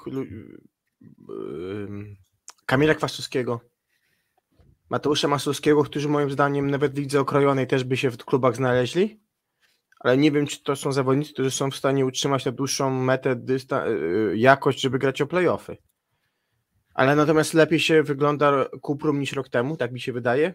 Lepiej to się wygląda wizualnie, lepiej to wygląda punktowo i może się uda zdobyć po prostu wyższe miejsce w tabeli, tak? Natomiast myślę, że y, na Bogdance powinniśmy się teraz y, o tyle skupić, że przy tych transferach, jakie oni dokonali, kontekście Talesa chociażby, tak? Czy, czy Ferreiry, tutaj były oczekiwania, wydaje mi się, w, w tym roku finalnie tego playoffu i to na razie wygląda jak, y, jak falowanie po prostu. Są fale, są fale, no bo zaczęli spokojnie, dość łatwo z Lukiem, no ale te dwa mecze z rywalami na swoim poziomie, no to powinny być, wydaje mi się, wygrane, tak? Tu powinno być raczej 9 punktów albo 8, a nie jednak 5 i dwie porażki. E, mimo tego, że no tam oczywiście są pewne problemy, bo wczoraj Krysiak kontuzjowany, natomiast no to, co wyprawia Alessandro Ferreira, to przerasta ulubieńca waszego, szczególnie Filipa, Mauricio Borgesa. Moim To ulubieńcem jest mocno. Timo Tamema, a nie Mauricio Borges. Proszę tutaj nie szkalować. Ja tak po prawdzie to ja to nawet sprawdziłem i też pisałem o tym na Twitterze, że aktualnie po dwóch meczach i po dwóch rozegranych setach Ferreira miał zerową efektywność ataku, tak samo jak to było z Borgesem po trzech kolejkach tamtego sezonu. No ale Ferreira miał jeszcze gorszą skuteczność przy tym niż Brazylijczyk wtedy na tamtym etapie sezonu po trzech meczach. I to pokazuje skalę dramatu tego zawodnika. Tak naprawdę A na nim miał być budowany, na nim miał być budowanie ofensywy w jakiś no, mierze. przychodził niejako jako gwiazda tego zespołu i jako człowiek, który ma zastąpić Szerszenia, czyli bardzo ważną postać tamtego Luku Lublin z tamtego sezonu, a na razie to wygląda po prostu koszmarnie, ale bardzo dobre transfery Talesa, który już się broni w lidze, bardzo szybko wszedł na wysoki poziom, dobrze na razie wygląda Brandt, Ferreira być może się jeszcze odgruzuje, no ale chyba kluczowa jest kwestia dużej dawki pecha w tej ekipie, bo nie gra Marcin Komenda, który doznał kontuzji palca. Być może od kolejnego spotkania będzie już mógł wrócić do grania. Mm, Kontuzja Krysiaka, który całkiem nieźle był w stanie zastępować Ferreirę. E, Kontuzja Jakuba Wachnika, więc wczoraj właśnie to, że Damian Schulz wszedł na przyjęcie, to jest kwestia też tego, że kontuzja Krysiaka, fatalny Ferreira, no i jeszcze nie ma Jakuba Wachnika, z którym też jest podobno poważniejszy problem. Po stronie minusów jeszcze cały czas nie przekonuje mnie Mateusz Malinowski. On gra w zasadzie od deski do deski, ale to nie jest poziom, który robiłby różnicę, poza tym, że zagrywką nadal jest w stanie to samo, co miał od- lat, czyli robić pojedyncze breakpointy właśnie serwisem. Ale w ataku zbyt jednostronny, z- mało tam jest wymiarowości, więc e, no, czekam na więcej. Mm, Jeżeli mówimy o drużynie, która grała z mm, 15, 14 i 13 drużyną poprzedniego sezonu, um, z aspiracjami na, na, na grę o playoff, to, to w zeszłym sezonie, no to powiedziałbym, że raczej 6 punktów nie, niekoniecznie byłoby zachwycającym rezultatem, więc wydaje mi się, że tutaj tych punktów, to nie wiem, jeden punkt stracony, wydawałby mi się być takim mm, wynikiem, który pokazywałby aspiracje i udowadniałby te aspiracje Lublina. Na ten moment może też patrzę przez pryzmat meczu z Czarnymi Radą, który obejrzałem od deski do deski, bo pozostałe troszeczkę. To bardziej jest to wykorzystywanie słabości rywali, z którymi grają, niż faktycznie jakieś tam bardzo mocne atuty z ich strony. Powiedzieliście wszystko o Talesie, który przerasta tę drużynę, tak jak Alan AZS. E, Powiedzieliście o dobrym wejściu Branda, bo, bo, bo, bo ktoś musi te punkty tam w tej drużynie, e, drużynie zdobywać, natomiast na razie po prostu Lublin mi się nie podoba i nie zmieniają tego, nie zmienia tego 6 punktów, jak na razie zdobytych na, na 9. E, Ostatnie dwie drużyny, które mamy do omówienia, czyli Aseko Resowia Rzeszów i Aluron CMC Warta Zawiercie. Aseko Resowia, pierwsza porażka z projektem, mówiliśmy o niej w tym odcinku pierwszym, nie ma, nie ma co się tutaj rozwodzić, natomiast mecz ze Ślepskiem, chyba Filip, już był powrotem na tory, a potem jak zaczęły, zaczął ten pociąg pędzić w meczu z Zawierciem, to znowu miałeś takie poczucie, że te tory to chyba trochę krzywe i, i, i wykolejone, ale udało się wrócić e, ten, ten wagonik z powrotem na prostą ścieżkę. Tak, tory były złe. E, Pewnie wygrany mecz z Suwałkami, myślę, że tu większej historii nie ma, ale to, co tam było istotne, to para Luati z Defalco na przyjęciu. A jak przyszedł mecz z Zawierciem, to zaczął się od tego, że na boisku był Czebul do pary z Defalco, a Luati leżał za bandą, gdzieś jakieś zabiegi miał robione przez fizjoterapeuta Sekoresowi, więc widać, że chyba jakieś problemy natury zdrowotne i się przyplątały właśnie francuskiemu przyjmującemu. Na pewnie szczęście Sekoresowi on później nadawał się jednak do wejścia na boisko, dał dobrą zmianę za Czebula, z kolei Czebul dał dobrą zmianę Buckiemu, który na razie nie gra dobrego sezonu, więc pewnie wszyscy z niecierpliwością czekają na powrót do grania Stepena Boye. No ale wygląda na to, że to Luati będzie, przynajmniej dla mnie, dawał po prostu więcej atutów, które są potrzebny tej drużynie do lepszego funkcjonowania. I jak te dwa sety pierwsze nie za dobrze się układały, to później już ta gra naprawdę całkiem nieźle się zaczęła kleić. Po części też trzeba zwrócić uwagę na problemy zawiercia z kolei, no bo to nie była drużyna, którą my stawiamy na podium plus ligi w takim składzie, w jakim gra aktualnie zawiercie, bo oprócz tego, że nadal nie ma Trevora Klewno, nie ma Mateusza Bieńka, no to jeszcze dość szybko opuścił plac gry Bartosz Kwolek. Dlaczego tak do końca nie zostało tu wytłumaczone? Nie jestem pewny, czy właściwa jest diagnoza, czy też słowa powiedziane przez Tomasza Swędrowskiego, że tam są jakieś problemy z brzuchem. Może się okazać, że to nic poważnego, po prostu na razie nie wiadomo. Natomiast fakty są takie, że drużyna zbudowana z Patryka Łaby, debiutującego w Plus Lidze Samuela Coopera, mm, no to nie jest do końca to, co docelowo będzie w zawierciu i po prostu Resowia wykorzystała trochę rzutem na taśmę, bo już zawiercie miało piłki meczowe, słabości rywala, który przyjechał. No czwarty i piąty set to pokazał, natomiast chyba nie ma dyskusji, kto ma grać na przyjęciu. Ja apelowałem o to przed sezonem do trenera Medeiego. Dzwoniłeś. De, de, tak, dzwoniłem, mówiłem, e, mówiłem do niego Gianpaolo Senti, solo, solo possiamo giocare Luati con De Falco, noce ból, noce ból. Widzisz, Solo i- widzisz, tak widzisz, widzisz, co narobiłeś, że aż mu wszystkie włosy z głowy spadły. Dokładnie, dokładnie, ale tak na poważnie to daje przyjęcie. Rok temu wielki mankament Resowi, czy jakoś przyjęcia, to daje Luati. Umie skończyć piłki, m, poszanuje to. Ja miałem takie wczoraj wrażenie w sytuacjach w końcówce meczu, to było chyba 21-23 i Luati ponowił bardzo trudną piłkę i za drugim razem skończył. Mało efektownie, ale skończył. Myślę, że to, to jest jego handicap jeżeli będzie zdrowy, no bo przy Defalco też przy nim dobrze wygląda, tak? Defalco lubi być dużo obciążonym i dużo gry wokół niego być, ale Łaty niekoniecznie chce mieć tak dużo gry, po, po prostu potrafi się wtapić tłum. Jeżeli wróci Błaje, no to ta Resowia, która widziałem w czwartym, piątym secie, przy takim Czebulu, który mógł być Błaje, to już jest Resowia, która może powalczyć po prostu o, o, o sporo. Za wczoraj też trzeba pochwalić Karola Kłosa, najlepszy do tej pory występ e, w Resowi i, i, i chyba to tyle z mojej strony co do drużyny z Rzeszowa. Ja tylko muszę podkreślić, że trzy czwarte tej drużyny na ten moment to jest TJ DeFalco, który tam robi po prostu ogromną robotę. Większość gry jest oparta o niego, bo ile on kilometrów potrafi zrobić y, podczas jednego spotkania, to nie wiem, jakby to policzyć, to pewnie biega najwięcej z wszystkich w ogóle plusowców. Ja tylko mam nadzieję, że tego nie dojdzie, ale jak on przebiega pod siatką po, po swoich atakach z pipa, to mam tylko nadzieję, że nie zrobi sobie albo krzywdy właśnie komuś, albo sobie, bo to wygląda czasami dość ryzykownie, jak tam ląduje dość blisko linii środkowej i nie jest w stanie się wyratować, więc naprawdę TJ jest wszędzie, jakby mógł, to by sobie sam jeszcze piłki wystawiał, ale póki co tego jeszcze nie obserwujemy, dajmy mu czas, ale no bezcenny zawodnik, po prostu nie da się go nie zauważyć.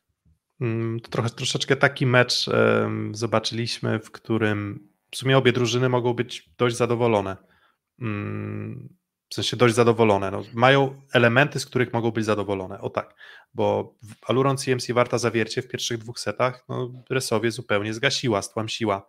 Bardzo dobrze wyglądał Butryn, pomimo mm, szybkiego zejścia Kwolka. mm, Ciekawą, dobrą zmianę dał Samuel Cooper i myślę, że to jest jakaś tam też nadzieja, że, że to nie będzie postać zupełnie anonimowa. Oczywiście wróci Trevor Klebenowy, lecz się Kwolek, to może tej gry przy nim aż tak dużo wcale, wcale nie będzie. Natomiast te dwa sety na pewno na plus i ogólnie jedyne, co się nie zgodziło zawierciu w tym meczu, to wynik. Bo, bo mieli po prostu swoje szanse i te szanse wypuścili w trzecim secie. Natomiast jeżeli kibice zawiercia po pierwszym meczu i kibice Resowi po, projekt, po meczu też pierwszym z projektem Warszawa mogli mieć ogromne gdzieś tam obawy, powody do niepokoju, tak wydaje mi się, że ten mecz już te obawy odrobinę, mm, odrobinę rozwiewa. I Resowia będzie szła w dobrym kierunku, i Zawiercie będzie szło w dobrym kierunku. Bieniek powoli wraca do, do gry, powoli wraca do skakania, więc mm, co nie znaczy, że do formy jeszcze, ale myślę, że, mm, że, że Zawiercie szybciej niż później okaże się drużyną wyjątkowo nieprzyjemną do gry i właśnie tę nieprzyjemność już było widać w tych pierwszych dwóch setach. Obrona bardzo dobrze zorganizowana, tam Resowi naprawdę bardzo, bardzo niewiele wpadało. Um, no Chwali i Luka Perego, absolutnie Dokładnie. właśnie w aspekcie obrony, ale też gwarantowanie przyjęcia. łatwiej się gra Tavareszowi. Wydaje mi się, że już te dwa mecze pokazały, że Tavares jest swobodniejszy w dystrybucji, if you know what I mean. I to moim zdaniem mocno rezonowało w tych meczach. I bardzo cenisz Piotrek, Patryka Łabę i ciężko też takiego czwartego przyjmującego nie cenić, który wchodzi, nie pęka. Dwa sety naprawdę dobrze to wyglądało. No i ten sam Cooper Zaskoczył. Zaskoczył myślę, że każdego z nas, bo naprawdę ten występ debiutancki bardzo, bardzo pozytywny. No też Zawiercie grało z Resowią po środku dwóch meczów z zespołem z Hartenberg z Austrii. Już dzisiaj są już w Austrii zawodnicy z Zawiercia i myślę, że też skoro w tej plusidze jest jeszcze zapas grania, to myślę, że jest fokus na to, żeby tą fazę przejść. Natomiast też musi zacząć punktować Zawiercie, jeżeli nie chce zapomnieć o Pucharze Polski w finale, tak, bo nie zapominamy o tym, ale wiemy o tym, że kogoś z tego top 5 w tym Final Four zabraknie. Mm, teraz ten kalendarz się trochę, trochę wygładza, mm, zawiercił, więc jest nadzieja na to, że te punkty, e, punkty już będą zdobywać. No, niepokój pewnie mógłby się pojawić, jak w tym, tych meczu z Katowicami, Częstochową, Radomiem i Lwowem, nie zdobyliby, nie wiem, 12 punktów czy 11, powiedzmy, załóżmy tam jakiś tam tiebreak, ale, ale, ale, ale tutaj można byłoby się niepokoić. A tak, to teraz tam jeden punkt na 9 jeszcze nic nie zmienia. Ogólnie ten początek sezonu tak, takie we mnie odczucia wzbudza, że to jeszcze jest takie granie o nic, tak bardzo. Tak jak te początki sezonu chyba bardziej do nich przykładałem uwagę w poprzednich sezonach, tak teraz mam poczucie, że, że i tak wszystko rozstrzygnie się na finiszu. E, jedna informacja z Twittera już na finiszu naszej audycji.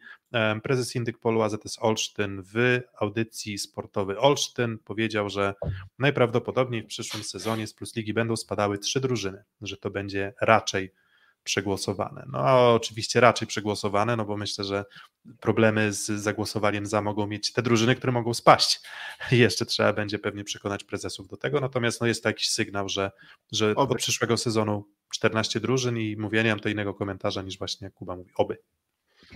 Oby, tak jest. Ja jestem za tym, że 16 drużyn to jest za dużo, więc 14 to jest krok ku normalności, ku lepszej lidze po prostu bardziej atrakcyjnej.